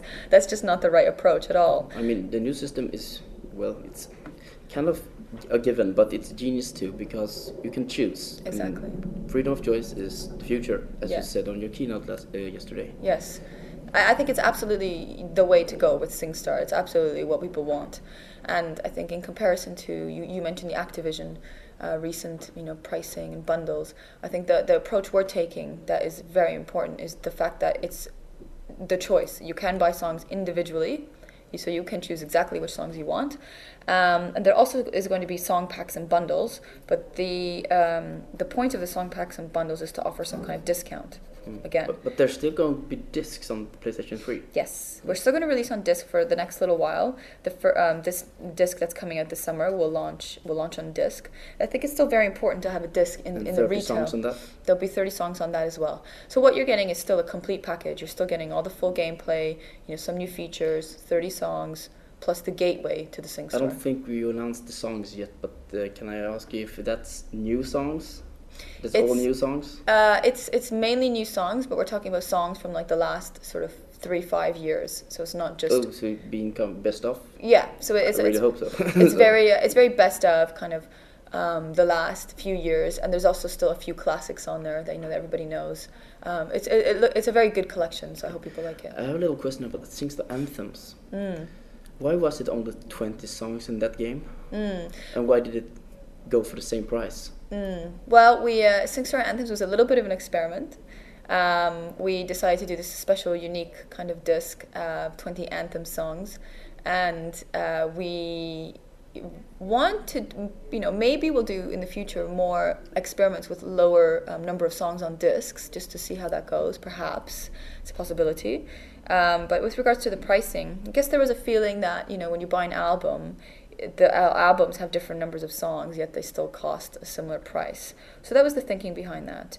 True, Um, but an album costs like, I don't know the dollars, but 170 Swedish kroner. mm, And a game costs like 300 or 350 Mm. Swedish kroner. So it's quite a bit of difference Mm. what you pay. yes, but I think it, it's the only time we've we've done that, and I think it was just a bit of an experiment to see how it would go. Um, and how did it go? It went fine. A lot of people were absolutely fine. They they felt that the track listing was very strong, and they were happy to you know have another disc added to the collection. But we were you know that was not when I say it's experiment. It wasn't like we were saying oh perhaps we will always release twenty songs. That wasn't the plan at all. It was just like an individual release, one time only, and thirty songs is our absolutely our standard. And that's what we will continue to release. So you won't see. I don't think you're going to see 20 songs at the same price again. Okay. Uh, the concept of SingStar has more or less remained unchanged since day one, except for small changes in Pass the Mic that you added some features, Mm-hmm. and the weird but strangely entertaining Pong game. Do you have any new game modes planned for this version except for the Sing My SingStar Online? For for the PS3 version, we we have really focused on the Sing Store and My Sing Store Online. Uh, the gameplay is still the same gameplay everybody knows and loves on I have SingStar. no clue what that gameplay would be, but I'm just asking. Yeah, yeah, um, yeah. The gameplay is still the same gameplay everybody knows, um, and it, the focus for this PS3 release has been all about the Sing Store. We really felt like that was the number one request. That was where we really should put our time and effort um, to be able to choose the songs you want to play. So our effort went into that, and also into My Online, this uploading, sharing community site. Uh, when you're buying a song uh, on the PlayStation 3, it works because you're buying new songs individually. Mm.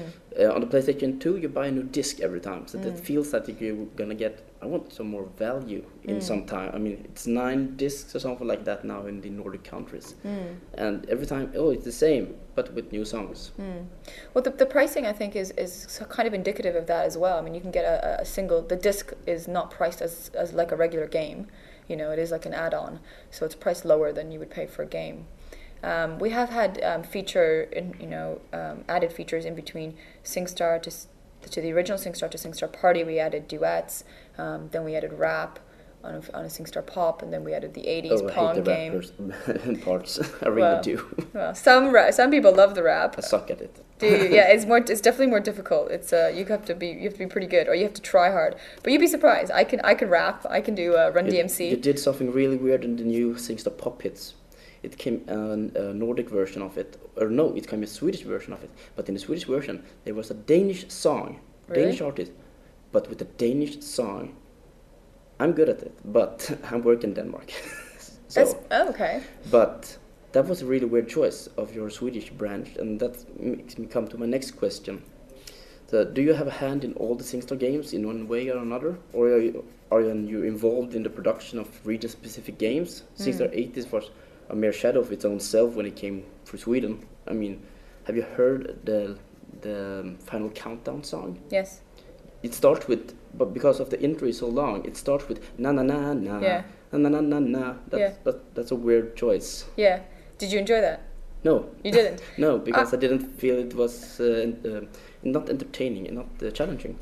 That's weird because I have been at a conference where um, in a big gamers show, you know, like with lots of um, just regular people there to check out the games. It's kind of stupid, so everybody knows what to do. But I had, it's fun. but I, yeah, I, I had. This was actually Leipzig, you know, the big games conference in Leipzig Yeah, we have now, um, two years ago, and we started with the Europe final countdown, and I saw like 250 people singing together and having a really good time and laughing about it. I agree that it's not a I kind of too in such a crowd, of course. It's not exactly like a, a true musical song, you know, with amazing, you know, structure, musical structure, but SingStar is about having fun. And there are certain songs that have a kind of a nostalgic factor, you know, or are really iconic. And I think if you're talking about an 80s song, Europe, the final countdown, is one of the top 10 most recognized and iconic songs of the 80s. We would, don't often do that kind of, you know, silly thing like do do do do, you know, with, with other songs. But we that, felt that was the exception. But we felt with, yeah we felt with that song that we could take um, have a little bit of fun with it and uh, it's interesting to, to hear what you think but I, I also think there's a lot of people who really enjoyed that and Yeah, had fun with as I said, it's it's for the mainstream. I'm I'm I'm kind of hardcore gamer, but I really love the SingStar games. But when I Mm. got that, I was okay. That was weird. but we we just thought it was an excuse to make something of the intro. Oh okay Because I really, it really annoys me when intros are like 35, 40 seconds long, almost 50. Mm. Well, it's true, and we Just do. stand there we- waiting. We, we, do often um, actually edit the song quite a lot. So there are many cases where we edit the beginning of the song and go back to the album or the record label and the artist for approval. Because we obviously, one thing I think you have to understand is when we're working with all these songs, we don't create the songs. We can't do anything we want. You know, we have to actually, uh, if we do change the song in any way, we have to go back to the artist for approval. Um, so where we can, we, we edit out the intro if it's too long. We edit out, um, you know, other parts of the song that if they're if they're unsuitable for some reason. It's not often that you edit the intro, but you often cut out the end. We do the end sometimes as well, yeah. But it, it's a tough call because I think there there are so many. There are you, you look at songs for SingStar in two ways. One, is it a fun song to sing? You know, is it like does it have a short intro? Does it have enough lyrics? Does it have enough variety? You know, does is it a duet? Obviously, those are really fun. But then you also have to look at the song from a point of view of is it popular? Is it well known? Is it iconic? Is it nostalgic? Can I connect with it? And sometimes those two things are not uh, both perfect, and you have to make a decision about you know what's more important. All right. If we go back to the question about the region-specific games, Mm. are you do you have hand in that, or how does that work? I mean, Um, the, the way that works is we um, work with our local uh, like offices. So we have you know PlayStation, Sony offices in, in all the different countries, and there we work with people who are in that country, know the music of that country, and um, and they help us to define the sort of track listing. And so we start with just um, thinking about what songs would be great for that country. Um, and, and it's, it's an evolving process. So when we first started with SingStar, you know, it was quite tough to get the best songs, but that has changed for us. And we see it changing in, you know, different countries as well. You know, our first release in Sweden, you know, was hard, and then second Are release is getting better. They're starting to, yes, yes, cool. which is very cool. Yeah, it's fantastic. I, I'm I've met artists before like at concerts and gone backstage, you know, and and people are like, "Thank you for SingStar." I was like, "What? Thank you for your music." You know, it's really bizarre, but yeah, it is starting to happen, and that's a really really great thing. I mean, our ultimate goal is to have the best songs possible for for people to play. Um, during your keynote yesterday, you also mentioned that over 50 SingStar versions have been made. I didn't know that. I thought that that was incredible. Absolutely. So that's an incredible number. It must be very taxing for you and your team to deliver this, even though you're not split up, as you said. Do you want to share some details on which country this is used most in? I mean, maybe some countries don't even get the original version, or only region-based ones. Some countries get only region based, um, but a lot of them Like which countries? German or something like Sp- that? Spain, Spain. Spain, yeah.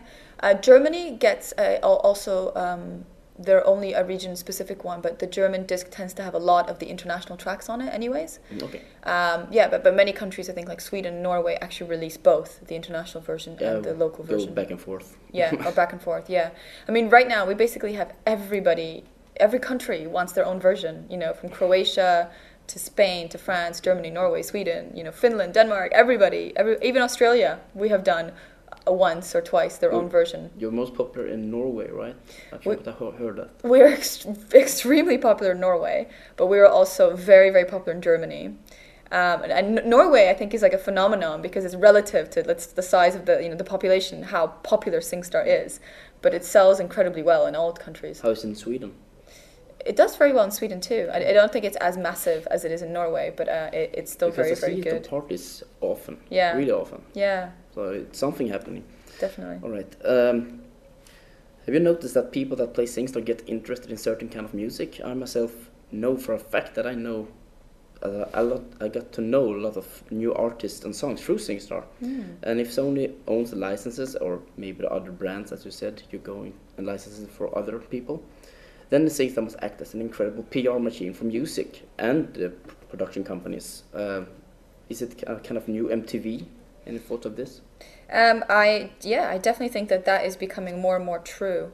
Um, was certainly even when you know we released the first SingStar and we put a new artist on there, Jamelia. You know the song Superstar. Oh, she was new by then. She was new back then, Hmm. and it was like the very beginning. And we sort of thought, oh, this is a new artist. The song is kind of good. We put it on there, and it ended up working so well. You know, it That was was a front perfect. cover song, right? Yeah, and it was mm. perfect for the game and the kind of experience. And then she was huge, blew up, you know. And I don't know how much that influenced, you know, her popularity in music charts, but it was a very amazing kind of like simultaneous happening. You know, that she was huge in this in the charts and huge on SingStar, and, and really it fit the whole genre. I mean, the whole disc or the the game experience. But um, the thing that we're going to be doing more on SingStore for PlayStation Three is allowing the the uh, music labels to promote some artists via SingStar because up until now we have been very selective. You know, it's 30 songs on the disc, therefore we have to be very very selective and only choose the ones that we think are you know going to be good. Um, so we can't afford t- to put on like so many new artists because sometimes a new artist is going to be great, sometimes they're not. but with the SingStar, there'll be more opportunity to try out new artists. How many new? You said there would be 350 new songs in the Sing Store from the Mm-hmm. beginning. Will that be all the discs that exist, or will it be more? There will be uh, some of the some of the You're back. up in 300 plus songs now. Yeah, there has been actually in across all of the discs, and all of the languages. There's probably been like 700 songs. Oh my god! Yes. Okay. Seven or eight hundred songs. So we're, we're going to launch with a lot of um, back catalog that has appeared on PlayStation 2, but also with new songs. But the, the thing that we have found, um, I mean, it's, it's, it's amazing that you have all the games, but um, our research shows. And Danish ones. yeah, that's crazy. Um, our research shows that most people have about two to two and a half, is a funny number, but um, SingStar games. So that means that there's still a lot of new stuff that they have not bought, you know. So even though it has appeared on PlayStation 2, not everybody, like yourself, has every game. So there's still new songs for them It's a to lot choose. of swapping. Yeah, well, yeah. For I you, it's a lot of swapping. But um, so there's gonna be there's gonna be the uh, PlayStation 2 songs, but also new songs. And then as soon as uh, after we launch, the plan is to update it monthly. So we'll be updating it with new songs every month. All right. Uh, a little easy question, maybe not. Which SingStar edition is your favorite one? And mine is probably SingStar Pop, the third one. Mm. I think it's called something else in the UK. Yeah. And just for the sake of would you, I would love to hear if you have a favorite song or a genre that you prefer to engage in song SingStar. Okay, yeah. Well, my, my favorite genre actually always changes, and I, and I find that really amazing because at the beginning, you know, obviously there was only one SingStar, so it was my favorite. and then SingStar Party came along, and we got like you know new songs that I thought were, were amazing, like Bob Marley, you know, No Woman, No No Cry, and uh, Elton John and Kiki D, Don't Go Breaking My Heart. Oh, that's- you know, that's nice s- very very fun. So that became my favorite. But then soon after that, you know, new discs came out with new artists, and, and I'm constantly getting like attached to the newer newest disc. Like recently, Rocks. Like I loved Rocks. I had a really fun time, you know, singing the rock songs. Um, I'm a big Offspring fan too. Are you- So yeah. that one got to me. yeah, uh, Offspring was very cool. I can play that standing away from TV and still beat my opponents. That's awesome. that's that's pretty good. Um, and then then the latest like one 80s was super fun. It was extremely fun because of all the old you know songs that everybody knows. It was really funny. Um, but then Legends came out at Christmas, and I and I and singing some of those tracks like honestly gave me like goosebumps because they were so you know amazing old kind of powerful songs and so that was a lot of fun. And then as far as my favorite singstar song um, I have, again that changes as well because you have new songs come along you know and you sing something new but i have currently two favorites and one is whitney houston. Um, the greatest love of all because it's so emotional. I have a really awkward choice of my favorite. It's still my favorite, and it was in pop. It's it's a group that never knew that really existed. Mm-hmm. It's the Girls Aloud. oh my gosh Yeah, it's really weird. But the Eskimo Love Club. Machine? No, the Eskimo Club. Because it's a really fast and challenging song, and it has I like upbeat songs, okay so I'm real sucker for that. And then the new pop hits, you have Aqua, yeah Cartoon Heroes, but of course I'm all over that. yeah barbie girl that's yeah, great So I'm like uh, rock songs and pop. And pop super pop songs yeah Yeah. I, I love I love pop songs too, and I'm looking forward to like singing Barbie Girl a lot on the next version. Yeah, all right. Last but not least, do you have anything to say to the listeners and readers on GameCard.se? But you're not allowed to promote your game, so go for something deeper and with meaning. Oh my God. Okay. Jeez. Well.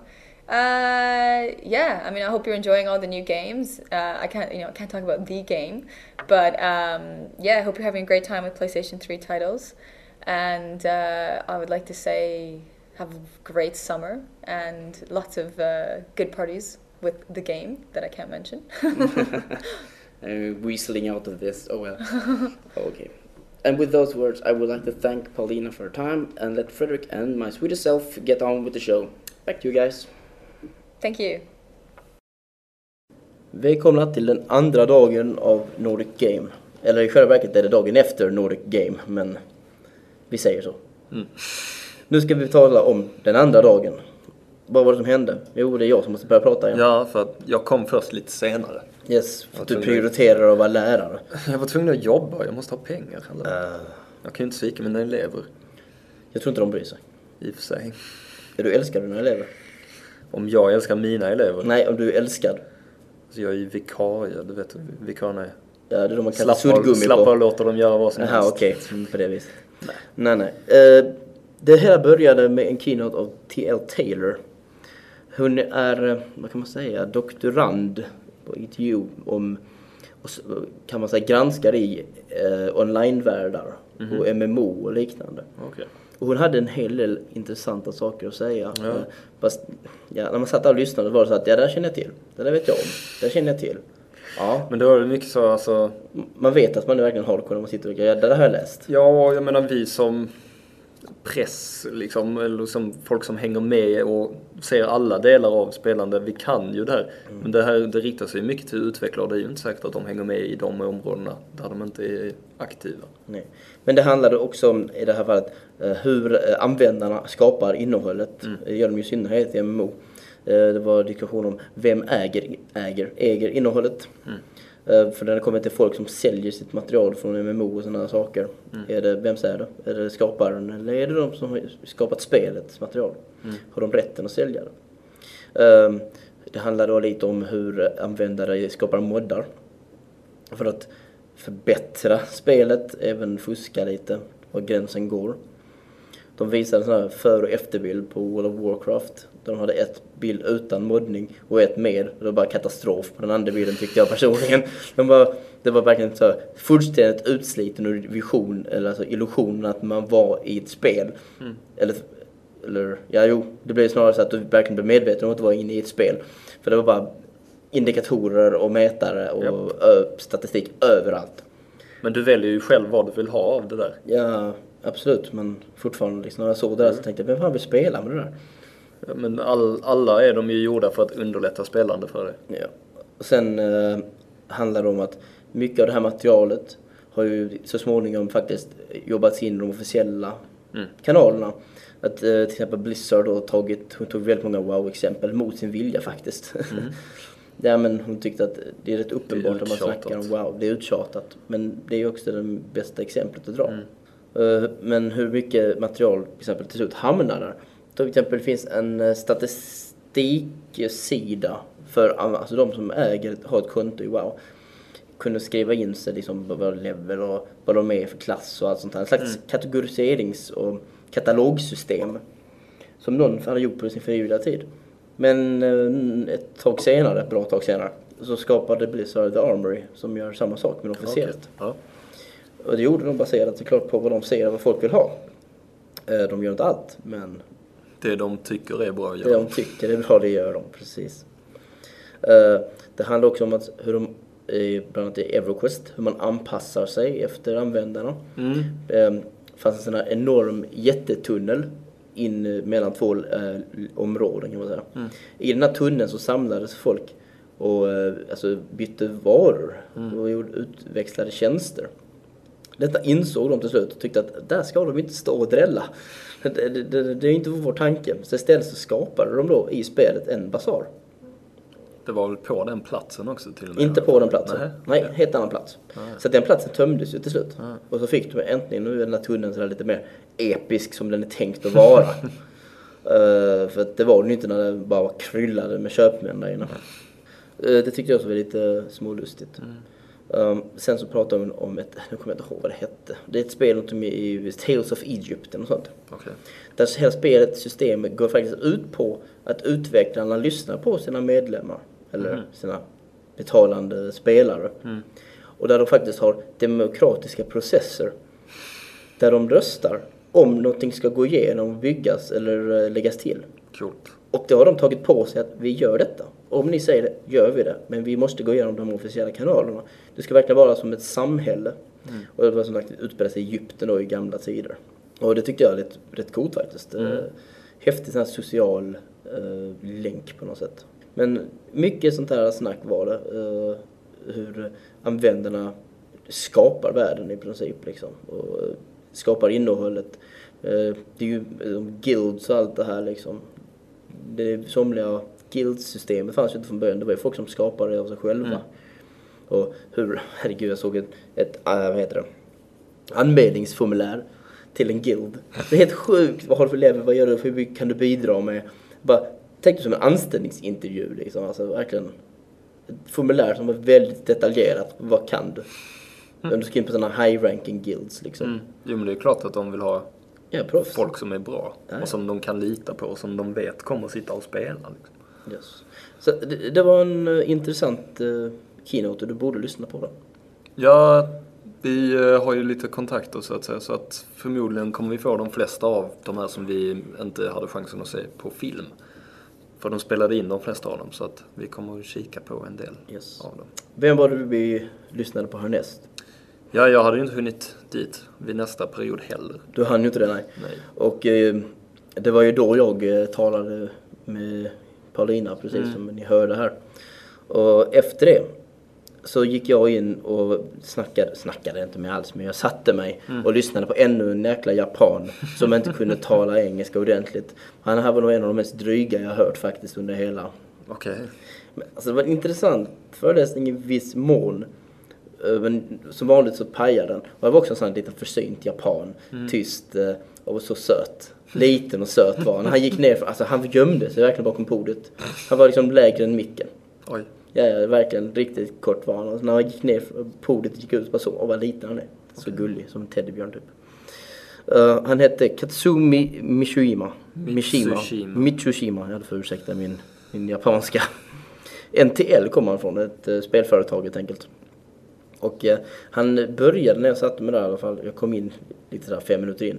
Han satt och stod med och pratade om eh, Dragon Ball online. Okej. MMO-spel med Dragon Balls tema. Oj. Eh, och ja, det var lite problem som kunde uppstå då med utveckling av detta såklart. Hur kommer man förbi 100 000 Goku-hindret och lite sådana saker. och det så talar han om avatarby, alltså för, äh, avatarer och liknande. Hur man kan byta kalla- äh, hår och shit och sånt. Alltså, jag förstår inte varför han drog upp det egentligen. För det är så, ja men hallå, MMO är rätt uppenbart att man ska ha valmöjligheten och kunna ändra sitt utseende. Eh, det enda man skulle ha gjort kanske var att låt ingen kunna göra en Låt inte den håruppsättningen, den kropp, alltså den, dessa uppsättningarna finnas så du kan skapa Goku flera gånger om. Samtidigt så är det ju så himla liksom... Publikfrieri. Nej men det...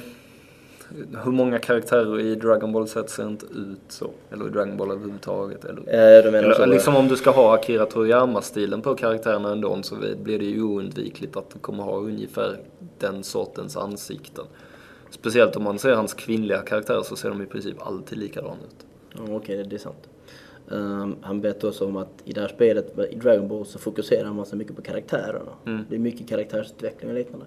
I ehm, Dragon Balls online så är det mycket mer fokus på världen. Och om de sen kommer på någon karaktär i efterhand eller något liknande eller kommer tänka på någonting så bygger de ut världen baserat på det. Okej. Så det gick lite fram och tillbaka. Men i övrigt så tyckte jag inte, om jag förstod rätt, var det ett MMORPG. Så att det, det var lite kuligare egentligen om det varit rollspels, vad eh, vad heter det, online-baserat och därmed actionbaserat. Jag i och med att rollspel och Dragon Balls tycker jag lite, eh. Det går inte Om ihop helt. det är, om det är action-rollspel så. Ja. Det är Men de intressant. borde ha lite beat em up-känsla i striden, tycker man. Ja, det var också eh, tal om att det är ett konsolspel. Okej. Grejen är att jag inte vet vilken konsol, för jag kom in för sent. Ja. Jag har ingen aning vad Jag, det jag tror ju inte de kör på 360. Nej. Med tanke på att det här kommer bli, liksom? ja, ja, PS3. PS3? Ja. Ja, ja alltså det, ju, det, det var så pass snyggt också med cell shading och sådana saker. Så att nej, det är inte en PS2-titel det här. Nej. Så att eh, jo, det kan mycket väl vara PS3. Men hela poängen med hans föredrag var faktiskt att förklara hur man kommunicerar alltså internationellt. Eh, för att det är så här att de är, de är japaner. Mm. Men Jo. Ja. Men de behövde, de, japaner är inte bra på nätverksprogrammering. Mhm. Så att de gick till Nordkorea och tog hjälp. Nordkorea. Sydkorea. Ja, Korea säger vi. Korea då. Jag antar det är Sydkorea. Korea, ja.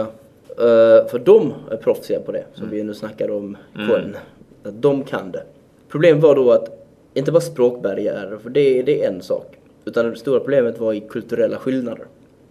Och de inte kunde fungera. Han avslöjade eh, att de gjort stora misslyckanden under processen av att utveckla spelet. Två gånger hade gruppen upplösts. Och eh, nu är det så tredje gruppen som jobbar på samma spel. Okej. Och nu, men nu går det bra för att de kommit fram till vad som kan man säga var fel och de vet hur man ska hantera sina, sina grannländer lite bättre. Eh, stora skillnader låg till exempel i att koreaner tar väldigt mycket, tänker mycket på sin privata karriär. Och de vill då ha uppgifter som passar dem. Kan man säga. I Japan så tar man mycket ära åt att jobba i grupp och bli färdiga framförallt med ett projekt. I Korea så kan du bara hoppa av. Alltså, det var, och du bryr dig inte liksom. Du, du, det är din karriär som ligger främst ingenting annat. Det var någonting som gjorde så det skar sig lite. Och sen så berättade de att det som gjorde så att de kom över- överens och sams det var eh, en kväll, sprit och karaoke. Självklart. Och sen var de på samma linje. Ja. Eh, och ja, det fungerar. Låt folk bonda lite med lite sprit och löser Du, allting. du löser det allting, ja precis. Så att eh, de kommunicerar liksom med e-mail och eh, videoconferencing, och, Okej. alltså videokonferenser och chatt och såna här grejer. Eh, och de har faktiskt skickat över några japaner som jobbar i alltså Korea med dem. Och så visade det sig då att programmerarna var koreaner. Mm. Nätverkskodare och sånt var koreaner. Design var koreaner och Japan. Mm, mhm. Och, eh, Jag skulle tro design mest var och eh, speldesign var så, eh, Korea och Japan. Okej. Så att eh, japanerna tog faktiskt ett steg bakåt. Mm. Um, men det verkar ju fungera förhoppningsvis. Vi får väl se vad vi hör någonting om det här spelet i framtiden. Så att det var, det var den. Vad har vi sen? Sen hade vi lunch. Sen hade vi lunch. Och sen satt jag och plitade ner frågor till Ja, Ryan. Ja, vi gjorde ju... Det gjorde så att vi missade som sagt talet med, av Hilmar Pettersson. Mm. Vi får Ehm, kolla på det på video sen. Japp. Och det var om eh, EVE Online. Ja. Så att det kanske inte intresserar folk så mycket i och med att det är. PC-spel och gammalt. Nej, nej. Sen, Vad som var betydligt mer intressant var nästa föreläsning. jag är rätt avundsjuk på det nu för att nu fick du sätta dig och lyssna på den bäst talande, engelsktalande japanen av alla. Ja, jag frågade om han inte nästan talade bäst engelska på hela stället. Väl, alltså, minst lika bra som alla som var liksom modersmålstalande engelsmän. Aha, Han okej. var liksom väldigt, väldigt bra engelska. Väldigt avslappnad. Vem talar vi om? Keiichi Yano, eh, som jobbar på och driver Inis, som har utvecklat eh, då Guitar Man, Oss Tatakai Oendan och Elite Beat Agents. Good shit. Good shit och eh, grymt bra musikspel. Och ja, Jag var inte där. nej. Jag var nej, men, på intervju då. Ja, men vad han pratar om, framförallt, han pratar ju om sina spel och designval som de hade gjort. Eh, och då framförallt skillnaderna mellan tankarna med Guitar Man och sen Ostatakai och Endan och vad som gjorde att det senare sålde betydligt bättre än vad det första gjorde. För med Guitar Man så gick de ju, byggde de ju upp hela konceptet väldigt speciellt vilket gjorde att de var tvungna att ha originalmusik. Och de märkte att det sålde inte alls bra för folk hade ingenting att relatera till i spelet. Dels så var det liksom Så nytt varumärke dessutom. Ja. Nytt varumärke, speciell design, minst sagt. eh, Och musik som ingen kände till. Så med oss Tatagai Uenda så tog de välkända låtar så att folk redan där hade någonting att relatera till. Och det gör ju också det väldigt mycket lättare att lära sig ett interface för man har låtarna inkörda i huvudet redan. Liksom. Så, och sen så använder de sig även av eh, det här fenomenet med japanska manliga cheerleaders som tydligen är ett väldigt stort fenomen i Japan. Jag kände faktiskt inte till att det var Jag så hörde att de existerar. Ja, jag visste att de existerade men inte att det användes så mycket. Alltså, det går att jämföra med cheerleaders i USA. Liksom, det används på fotbollsmatcher och baseballmatcher och allt Har de möjligt. inte kvinnliga cheerleaders i Japan? De har det också. De har dem ofta samtidigt. Okej. Och han visar bland annat en Jämställdhet for the win. han visade en sekvens då med en, en grupp och ändan på ett universitet, tror jag det var. Som de hade filmat när de var ute då och gjorde research. Och de var väl en 20 stycken då oändan som verkligen gjorde, de gjorde exakt de här rörelserna och minerna som man ser i spelet så att det är verkligen inte överdrivet. I, i Hjälpte de spelet. katter och folk med läxor? Och... Det gjorde de väl inte riktigt. Okej, så inte riktigt superhjältar i den mån. Nej, men eh, ja, de stod och hejade på. Och det är allt man behöver. Ja. All right. Ja, nej, och sen så gick han in på hur de hade gått vidare, liksom eh, hur långt de hade gått när de visade upp spelet eh, då för Nintendo för att få göra det. Och då hade de i princip gjort hela spelet som en film i Flash som man då visade upp på PDA eh, med en sekvens, då den här story-sekvensen uppe och sen så hela spelmekaniken där nere. Och så bad han dem liksom, ja spela nu på, liksom tryck på PDAn med stylusen som om ni spelade och följ med. Vilket resulterade i att han fick en väldigt repig skärm. Eh, Men å andra sidan så märkte ju liksom folket på Nintendo att shit, det här är grymt kul. Alltså, det är klart vi ska göra det här spelet. Eh, Och det var också rätt kul att den sekvensen som de visade var en sekvens som sen inte kom med i spelet. Utan det, var, det var en sekvens där Fick ni se dem? Ja, vi fick se den nu. Det, det, och det var också rätt kul. Det, Berätta. det är ett skenande tåg. Eh, tunnelbanetåg eller, eller tågen var, det var inte monorail riktigt- som de har. Ja, det var inte riktigt tydligt. Men i alla fall så är det på väg i full fart mot en stackars hundvalp som sitter på spåren och inte kan ta sig därifrån. Och så är det folk som kommer fram efterhand och liksom verkligen försöker stoppa det här tåget. Istället för att ta bort hunden. Ja, Katten.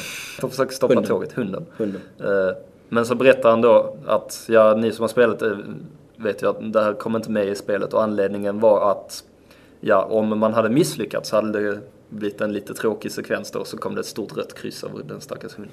Ah, Så, och därför tog de inte med det. Ah, Men, men okej. annars var det intressant att se att För allvarligt. Många av de här första skisserna som de hade med, bland annat det här med skoleleven som försöker komma in på universitet och eh, meteoren, var väldigt tidiga skisser på scenarion som sen även dök upp i spelet. Okej. Så det känns som att de var inne på rätt idé väldigt tidigt. Vad tänkte de egentligen när de gjorde själva spelmekaniken? Tog de upp det?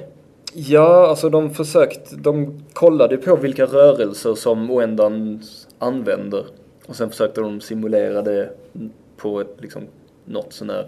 Stylus-aktigt vis. Ja, precis. All right. Men hade de bestämt sig redan från början att, de, att det var den här slå på skärmen-grejen? Ja, alltså det var ju hela tanken direkt var ju för att han berättade att efter Guitar Man, i och med att det inte sålde så mycket, så var han ju väldigt, han var liksom nere och, och slutade liksom, han trodde inte så mycket på konceptet med musikspel ett tag där. Ah. Men sedan då på E E3 2004 tror jag det var när de visade upp dels DS och PSP. Så fick han liksom en nytändning och bara oh, coolt. PSP skulle vara utmärkt att göra om Guitar Man för att eh, det blir liksom, han kände att det blir enklare för spelare i och med att spaken är så nära skärmen. Så det är lättare att, att se liksom vilken riktning du har med tummen. För det är väl lite det som gör det lite Men nu finns ju spelet på PSP. Precis. Och jag tycker det är enklare att spela på PSP också faktiskt. Eh, och sen då DS är naturligtvis där liksom bara, oh, touchscreen, det är ju perfekt för musikspel med hela rytmkänslan och sånt. Så han kommer därifrån, liksom, musikspelen. Ja, det, och det är ju det som är hela... Han sa just det, det var det de kände som företag, att det de var bäst på, det var liksom musik. Och därför ville de verkligen göra spel som, där de använde sig av den kompetensen som de har. Det var mycket musikspelsutvecklare. Det var väldigt mycket musikspel. Det var ju... Fokuset låg väl på socialt spelande känns det Ja, som. så, jag vet att det var temat online och community. Mm. Men det var ju väldigt många spelande, alltså musikspel. Som, Jo men musikspel är ju socialt. jo, det är det visserligen. Det är en av de absolut mest sociala genrerna. Japp. Och eh, dagen avslutades Men ännu att- ett. Ännu ett musikspel. En av de största. Ja. Förmodligen det största. Definitivt. Ja, Singstar är nog störst. Mm, ja det är nog Jo, Singstar är ju störst. Eh, Ryan Lesser och vad heter han? Dare. Dare Matheson. Yes. Art Director som jag sa tidigare och Dare var Lead, Lead artist. artist. på Guitar Hero. Mm. Och de hade ju en del intressanta saker att säga också. Det är Mm. väldigt ledigt, uh, ledig keynote liksom. Ah. Så här, kändes väldigt avslappnad och bra. Eh, visuella hjälpmedel hade de också hela tiden. Mm. Visade lite hur utvecklingen av alltså, karaktärerna gick till och Mm. hur, vad heter han, Lars Ja just kom det. till. Men var ju tanken först att bli en... Skulle först vara en utveckling av Axel där de slängde på lite mer metal... eh, Grejer. Ska, ja, typ Jag tyckte det var kul och att se Lars utan smink. Ja. Okej, en helt annan person. Det är som en viking typ. bara. Mm. Visserligen, det är ju rätt när man tänker efter. Mm. Och lite hur ljussättning fungerar och kraftiga vinklar och Mm. överdrifter som de var ute efter. Mm. Och sen så talar de såklart lite om rockband. Inte, inte så mycket egentligen i själva keynoten, det var inte Nej. under frågorna.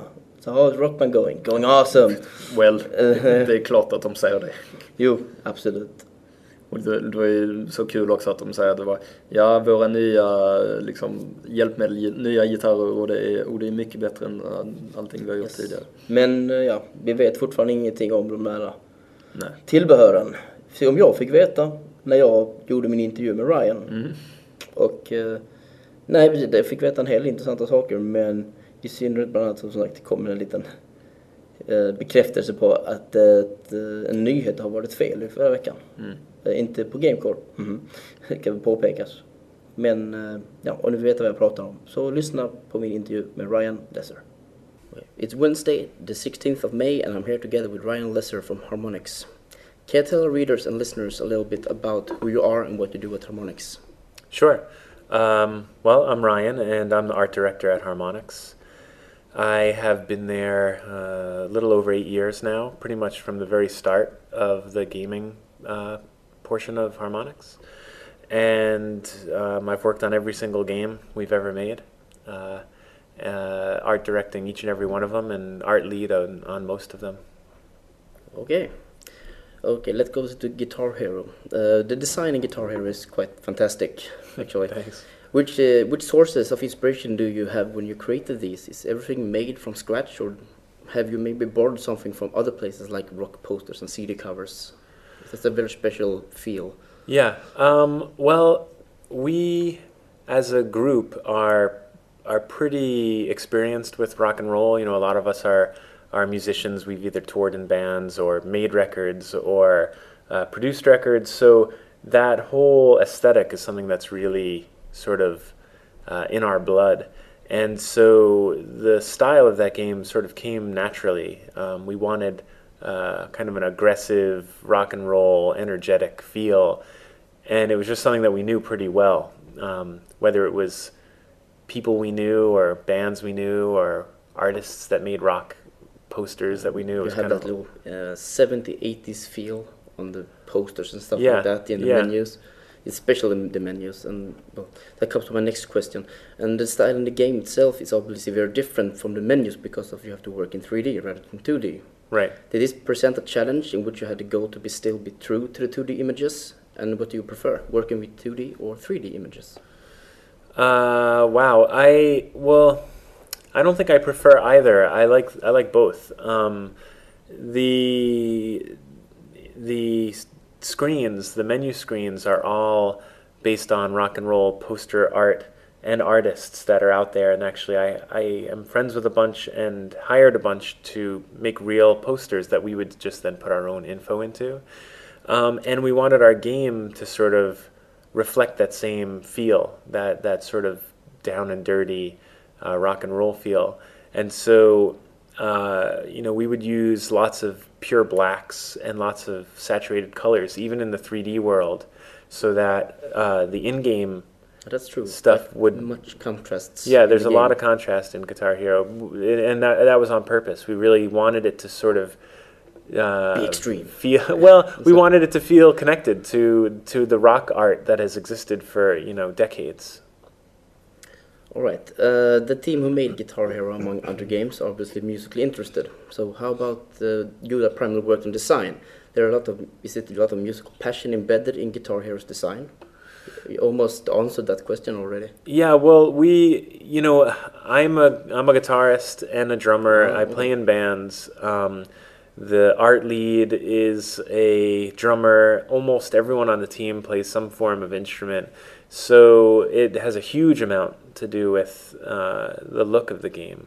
It's something that we all love, and many of us even make album art um, uh, for bands out there. So it was just you know na- very natural thing Are, for yeah, us. are you the only one that's making yeah, so designs and stuff like that on harmonics? Uh, you mean the only one designing the art for the Yeah. games? No, no. I mean, I'm the art director, so I have uh, a bit to say about all the different games. But I That's like crap. to. That's crap. That's good. kind of like that. yeah. Yeah, okay. what did you see my video? Did you see my crap video? No, I haven't. so, On April Fools a couple years ago, we released a video that of me, you know, smacking people around, oh, all right. yelling Well, crap out no, at no, everyone. No, no, that, that, that was improv. That's pretty good. Um, very intuitive. No, um, uh, I try and surround myself with amazing artists so that you know we can all express our own uh, uh, kind of art style in the game. So while I have a lot to say uh, regarding those games, there's also a lot of other people that do as well. okay. Uh, were you involved in the process of making music in Guitar Hero? If so, which songs or yeah, songs? if they were Well, I certainly helped pick the songs for Guitar Hero 1 and 2. And on Guitar Hero 2, one of my band songs uh, were, was accepted uh, um, as one of the extra songs. Ah, So, which one was that? uh, Megasis, Huh. Red Lottery.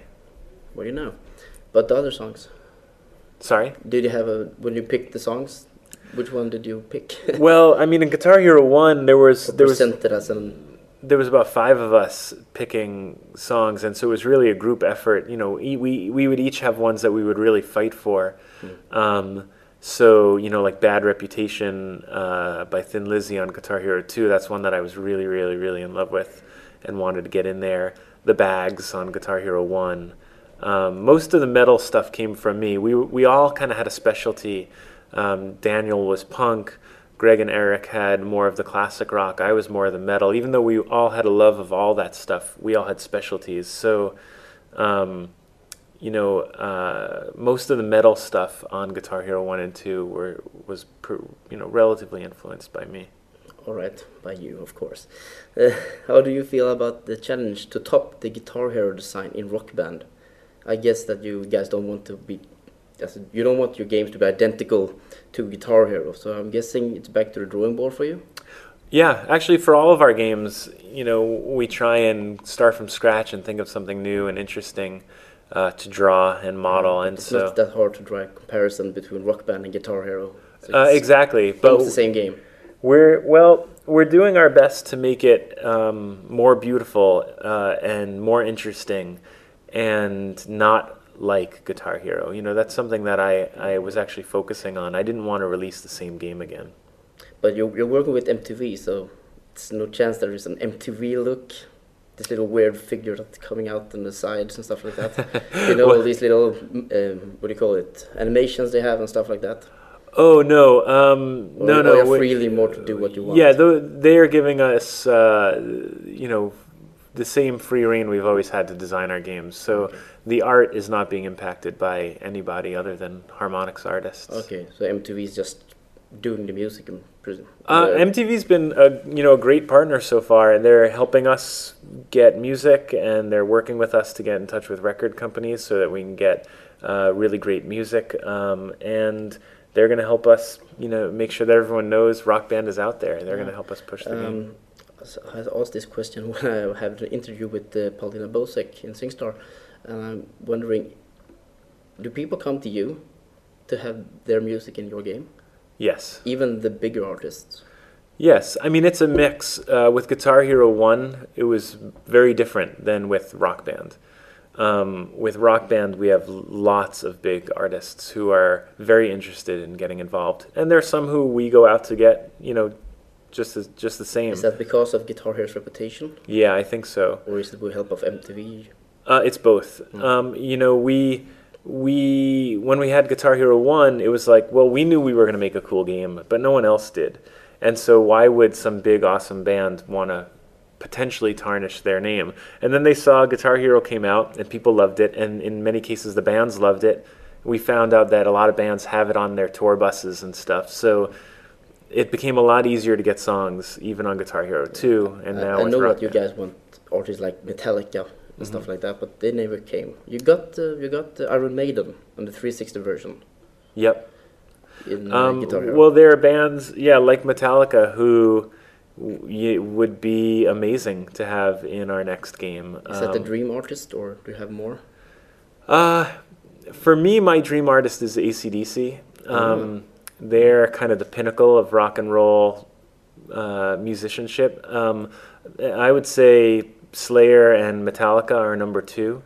Um, I certainly know that tons of people want all three of those bands in there. I would love Led Zeppelin. Um, you know, there's a lot of bands that have been relatively untouchable up until now. So hopefully, um, as these games are more successful, those softening up. people start to realize that it's a, a really fun way to get their music out there. Yeah, I'm I'm, I'm calling it um, what's the same thing with things there's the new MTV but for rock. Yeah. Like like I play something in uh, Guitar Hero, and I didn't know the songs before. Yeah. And then oh cool, I will buy those that album. Yeah. or something like that, or go out on iTunes and buy songs. No, that's a big deal for us. Um, and Rock Band, we hope to have that be even more important part of it. Um, we've always wanted to, as a company, wanted to have people have the feeling of making music, but by playing video games, using these sort of um, abilities that they've acquired through a lifetime of, of twitching and playing games. we wanted to try and utilize that and have them feel like they're playing music. And so now that we've sort of finally got that, it's also important to us to kind of help share our knowledge of music. And a lot of us are very, very into rock and roll, both. Um, you know, popular and underground. And so to be able to put an underground track on our games and have people, even if it's just 100 new people, love that band, that's really important to me and really important to us. 15 extra songs you often put on the Yeah. games, or they're often really good. Thanks. Yeah, th- th- that's that's always been the harmonics. Um, Sinbad was a little weird, but which one? Sinbad. Sinbad. Yeah, Yeah, Well, that's because they're a big fan of ours and we're a big fan of theirs, and we thought it would be really funny to put that in there. Um, we that's always been our those extra songs have always been our tool to throw a little bit more radical stuff out there. And a lot of times those are songs by people in the company. Um, or friends of people in the company, or just small bands that we love that we want to try and get out there. Okay. In what ways does the development of Rock Band differ from working on Guitar Hero? Do you feel that you learned anything from when making Guitar Hero that you can make use of now? Oh yeah, um, across the boards. I mean, our peripherals are far superior. Um, Ooh, you know, like that. Yeah. based on knowledge that we've got. You know, every guitar for Guitar Hero, every rev got better and better. Um, except for maybe the shape of the 361. I don't I don't necessarily like the Explorer shape all that much compared to the SG. it's very rocky, though. Yeah, So- yeah. But the new Fender Strat for Rock Band is oh, I love when I heard that last week. Oh yeah. Yeah. Are you a Fender fan? Uh, I'm not.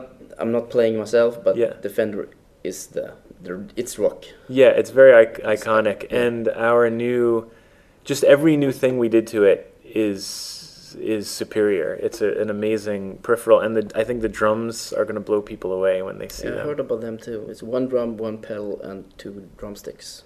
How did what? Where did you hear that? Uh, I heard it on the on the internet, of course. Yeah, um, I can't say that that's true. oh, so it's not confirmed. Uh, I no, nothing's been confirmed for drums yet. Oh, The drums are okay. still, Then it was uh, just a rumor. Yeah, drums are still a mystery for Mm. other people outside of harmonics. an, uh, respectable website, and so I thought it was true. yeah, no, all right. uh, it's all rumor. All right. Rumor denied.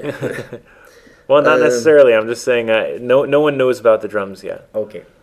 Uh, which type do you, of design do you prefer, realism or uh, the right opposite, and why? Um, I typically prefer uh, non-realism. Um, I just find it more interesting. Um, I find it more expressive. Uh, there's certainly a place for realism in games, obviously, um, but I tend to prefer the games that are a little bit more wacky and Yeah. sometimes simplistic. When you Uh, look at the games you make, it's quite an obvious answer, but still thought I should put that question in there. Yeah, I mean, even games like Antigrav and Guitar Hero, ones that are a little bit more rooted in realism, they're still stylized. There's still a lot of stuff in there that is breaking realism because me and my whole team, we, we just have always been uh, of the mindset that to add your personal style on stuff is, is more fun and more inviting and more interesting than just reproducing realism.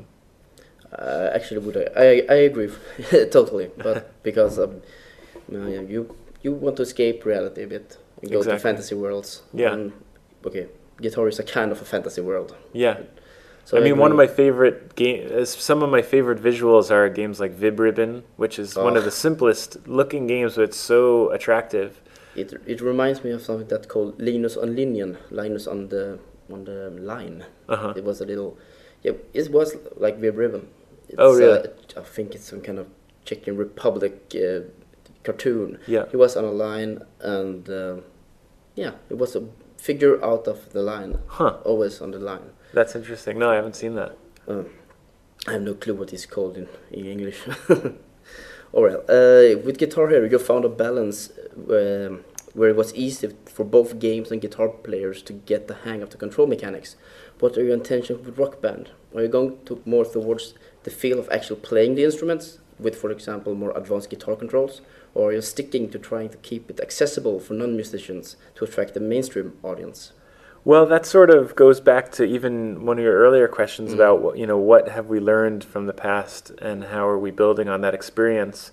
We are definitely taking what we've learned from all of our past games and building on that for Rock Band. Um, we definitely want to keep uh, the ability for mainstream audiences to love our games and uh, attract hardcore gamers. I mean, that's I think been the the beauty of the balance for Guitar Hero is that we were very strict about the difficulty curve and the the peripherals that they were uh, obvious and easy to use and that the difficulty curve started very easy and got harder towards the end and Guitar Hero 2 we made the the top level even harder because we knew that the hardcore players will want something harder but we actually made easy easier to and be even more inviting for people. When we put a practice mode in, so all that stuff is really going to be built on for uh, and enhanced in Rock Band, so that we can make the most people uh, enjoy our game. You know. All right. Uh, guitar, bass, uh, and drums are all considered cool instruments, but uh, how do you make s- singing cool? I'm also curious how you will manage to fit four different indicators on the screen at the same time. well, the, the first part of your question is that singing, it's funny, singing in video games in the past has not been terribly cool. But singing. I'm, I'm not uh, against this myself because I'm a SingStar fan. Yeah. Uh, my colleague put this question in. no, it's a good question but I, because I, I, think, think a lot of people feel that way. kind of fun. Well, singing is is fun, but the thing is, there's been a stigma uh, against it in video games. But the fact is, like singers, rock singers, they're Yeah. like they've always been the coolest. You know, they're the one that everyone always wanted to be. Like, you know, I would never say that Jim Morrison isn't cool or or something like that. So, um, I think what we're gonna do is that in Rock Band we're gonna make singing cool. And in fact, that's already the case. I, I was a little bit skeptical actually in the beginning because coming out of playing, uh, you know, Karaoke Revolution and SingStar, both games that I really love playing, they do have a different vibe to them than Guitar Hero. But you can't growl in them. And so, right, so in so in Rock Band, it's very important to us that you feel like a rock singer, like a rock star, and and it does come across because more than ever, I'm enjoying singing in games in in uh, in Rock Band. All right. And the other question about the indicators. I mean, Right, I know um, that you can't talk about the game in detail, Yeah, but just found it weird because you have four different uh, players here, yeah. and all. It's been really, really difficult, and it's been a process we've been working on for a long time. But um, we're actually we've got a very good setup right now, uh, where even at its most um, taxing, the four-player uh, setup, it's perfectly playable and and actually still very beautiful. Um, you still you know get a really great graphic experience, even though a lot of real estate has to be given to play surface. Yeah, we we thought that too in um, on my website or my colleagues. We also thought that it would disregard some of the environments and stuff like that. And I put uh, on um, what do you call it? An example of what you could do. It was it's kind of weird. Uh, imagine to that all everything is full screen and different colors, and you put 3D goggles on, and every person sees one screen. That's weird. It really weird, but that was a vision I had. So you would have to have some way to that each person, each of the four people would see something totally different. Yeah. And I'm not sure if that would work because No, doesn't I'm your, your that- eye gets tr- it could work for two because I think eyes are able to be tricked. That's you how know these old uh, 3D goggles. Right, exactly. Work like that. kind yeah. of. I think you can pull off every other frame to trick the brain, but um, to divide it by four, I think would would make it more look like, like a animated GIF on the website. You're harmonics. You're magicians. You can do it. Okay, we'll work on it. All right. My second to last question wants to know which designer you admire in the gaming industry, or don't you get inspired by these? Where do you get your inspiration otherwise? um, art designer, you mean? Yeah. And I also want to know what you consider a visual masterpiece in the gaming industry. Wow.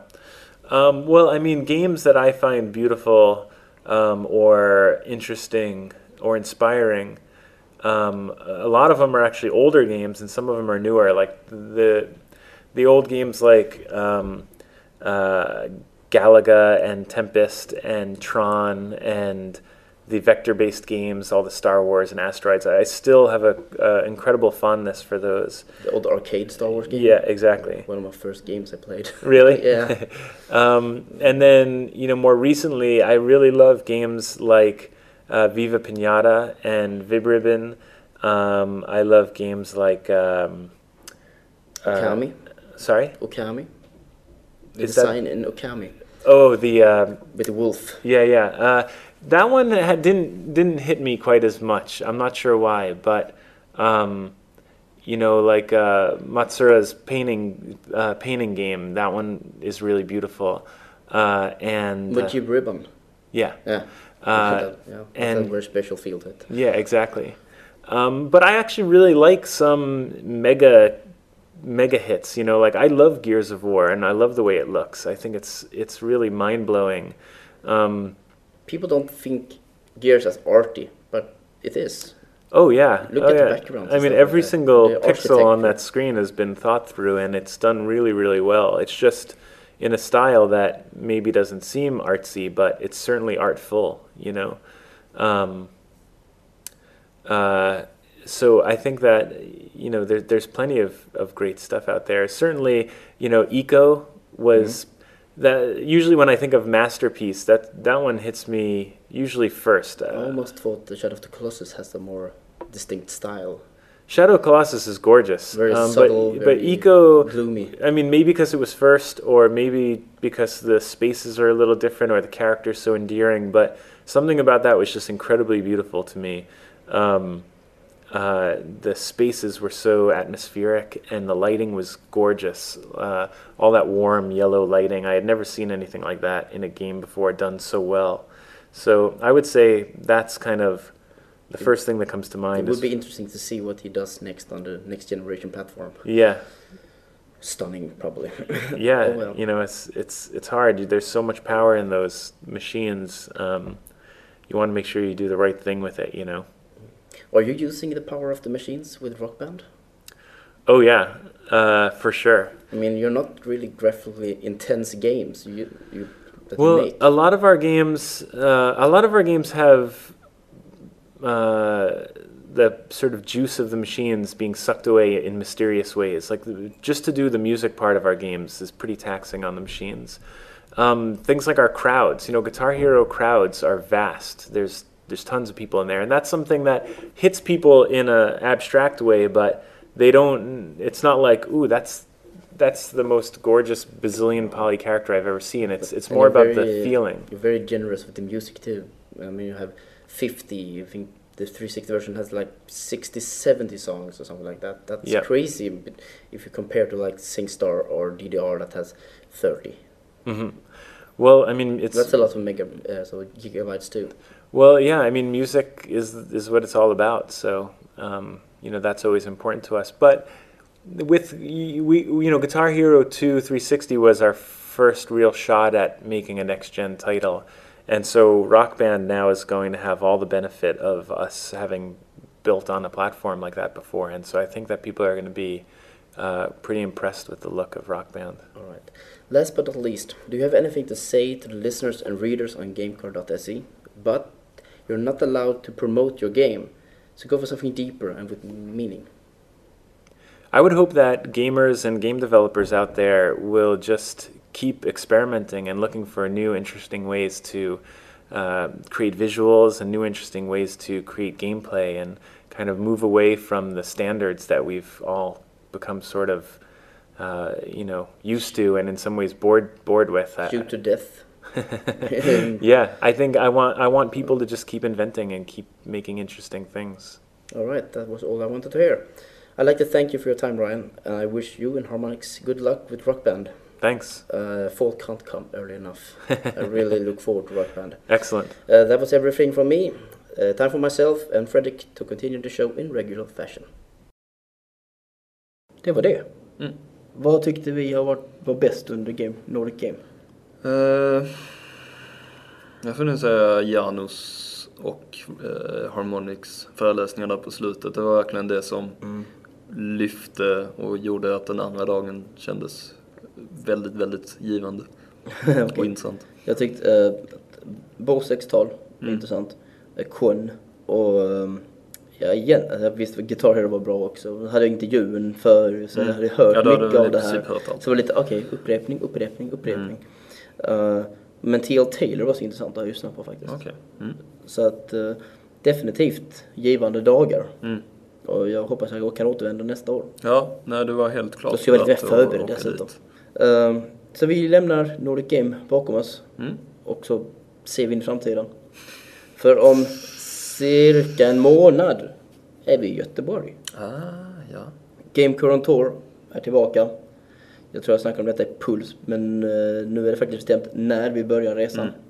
Den 18 juni, det är en måndag, Mm. så tar vi och styr kosan mot Göteborg. Yes. Och där stannar vi den 18 och 19.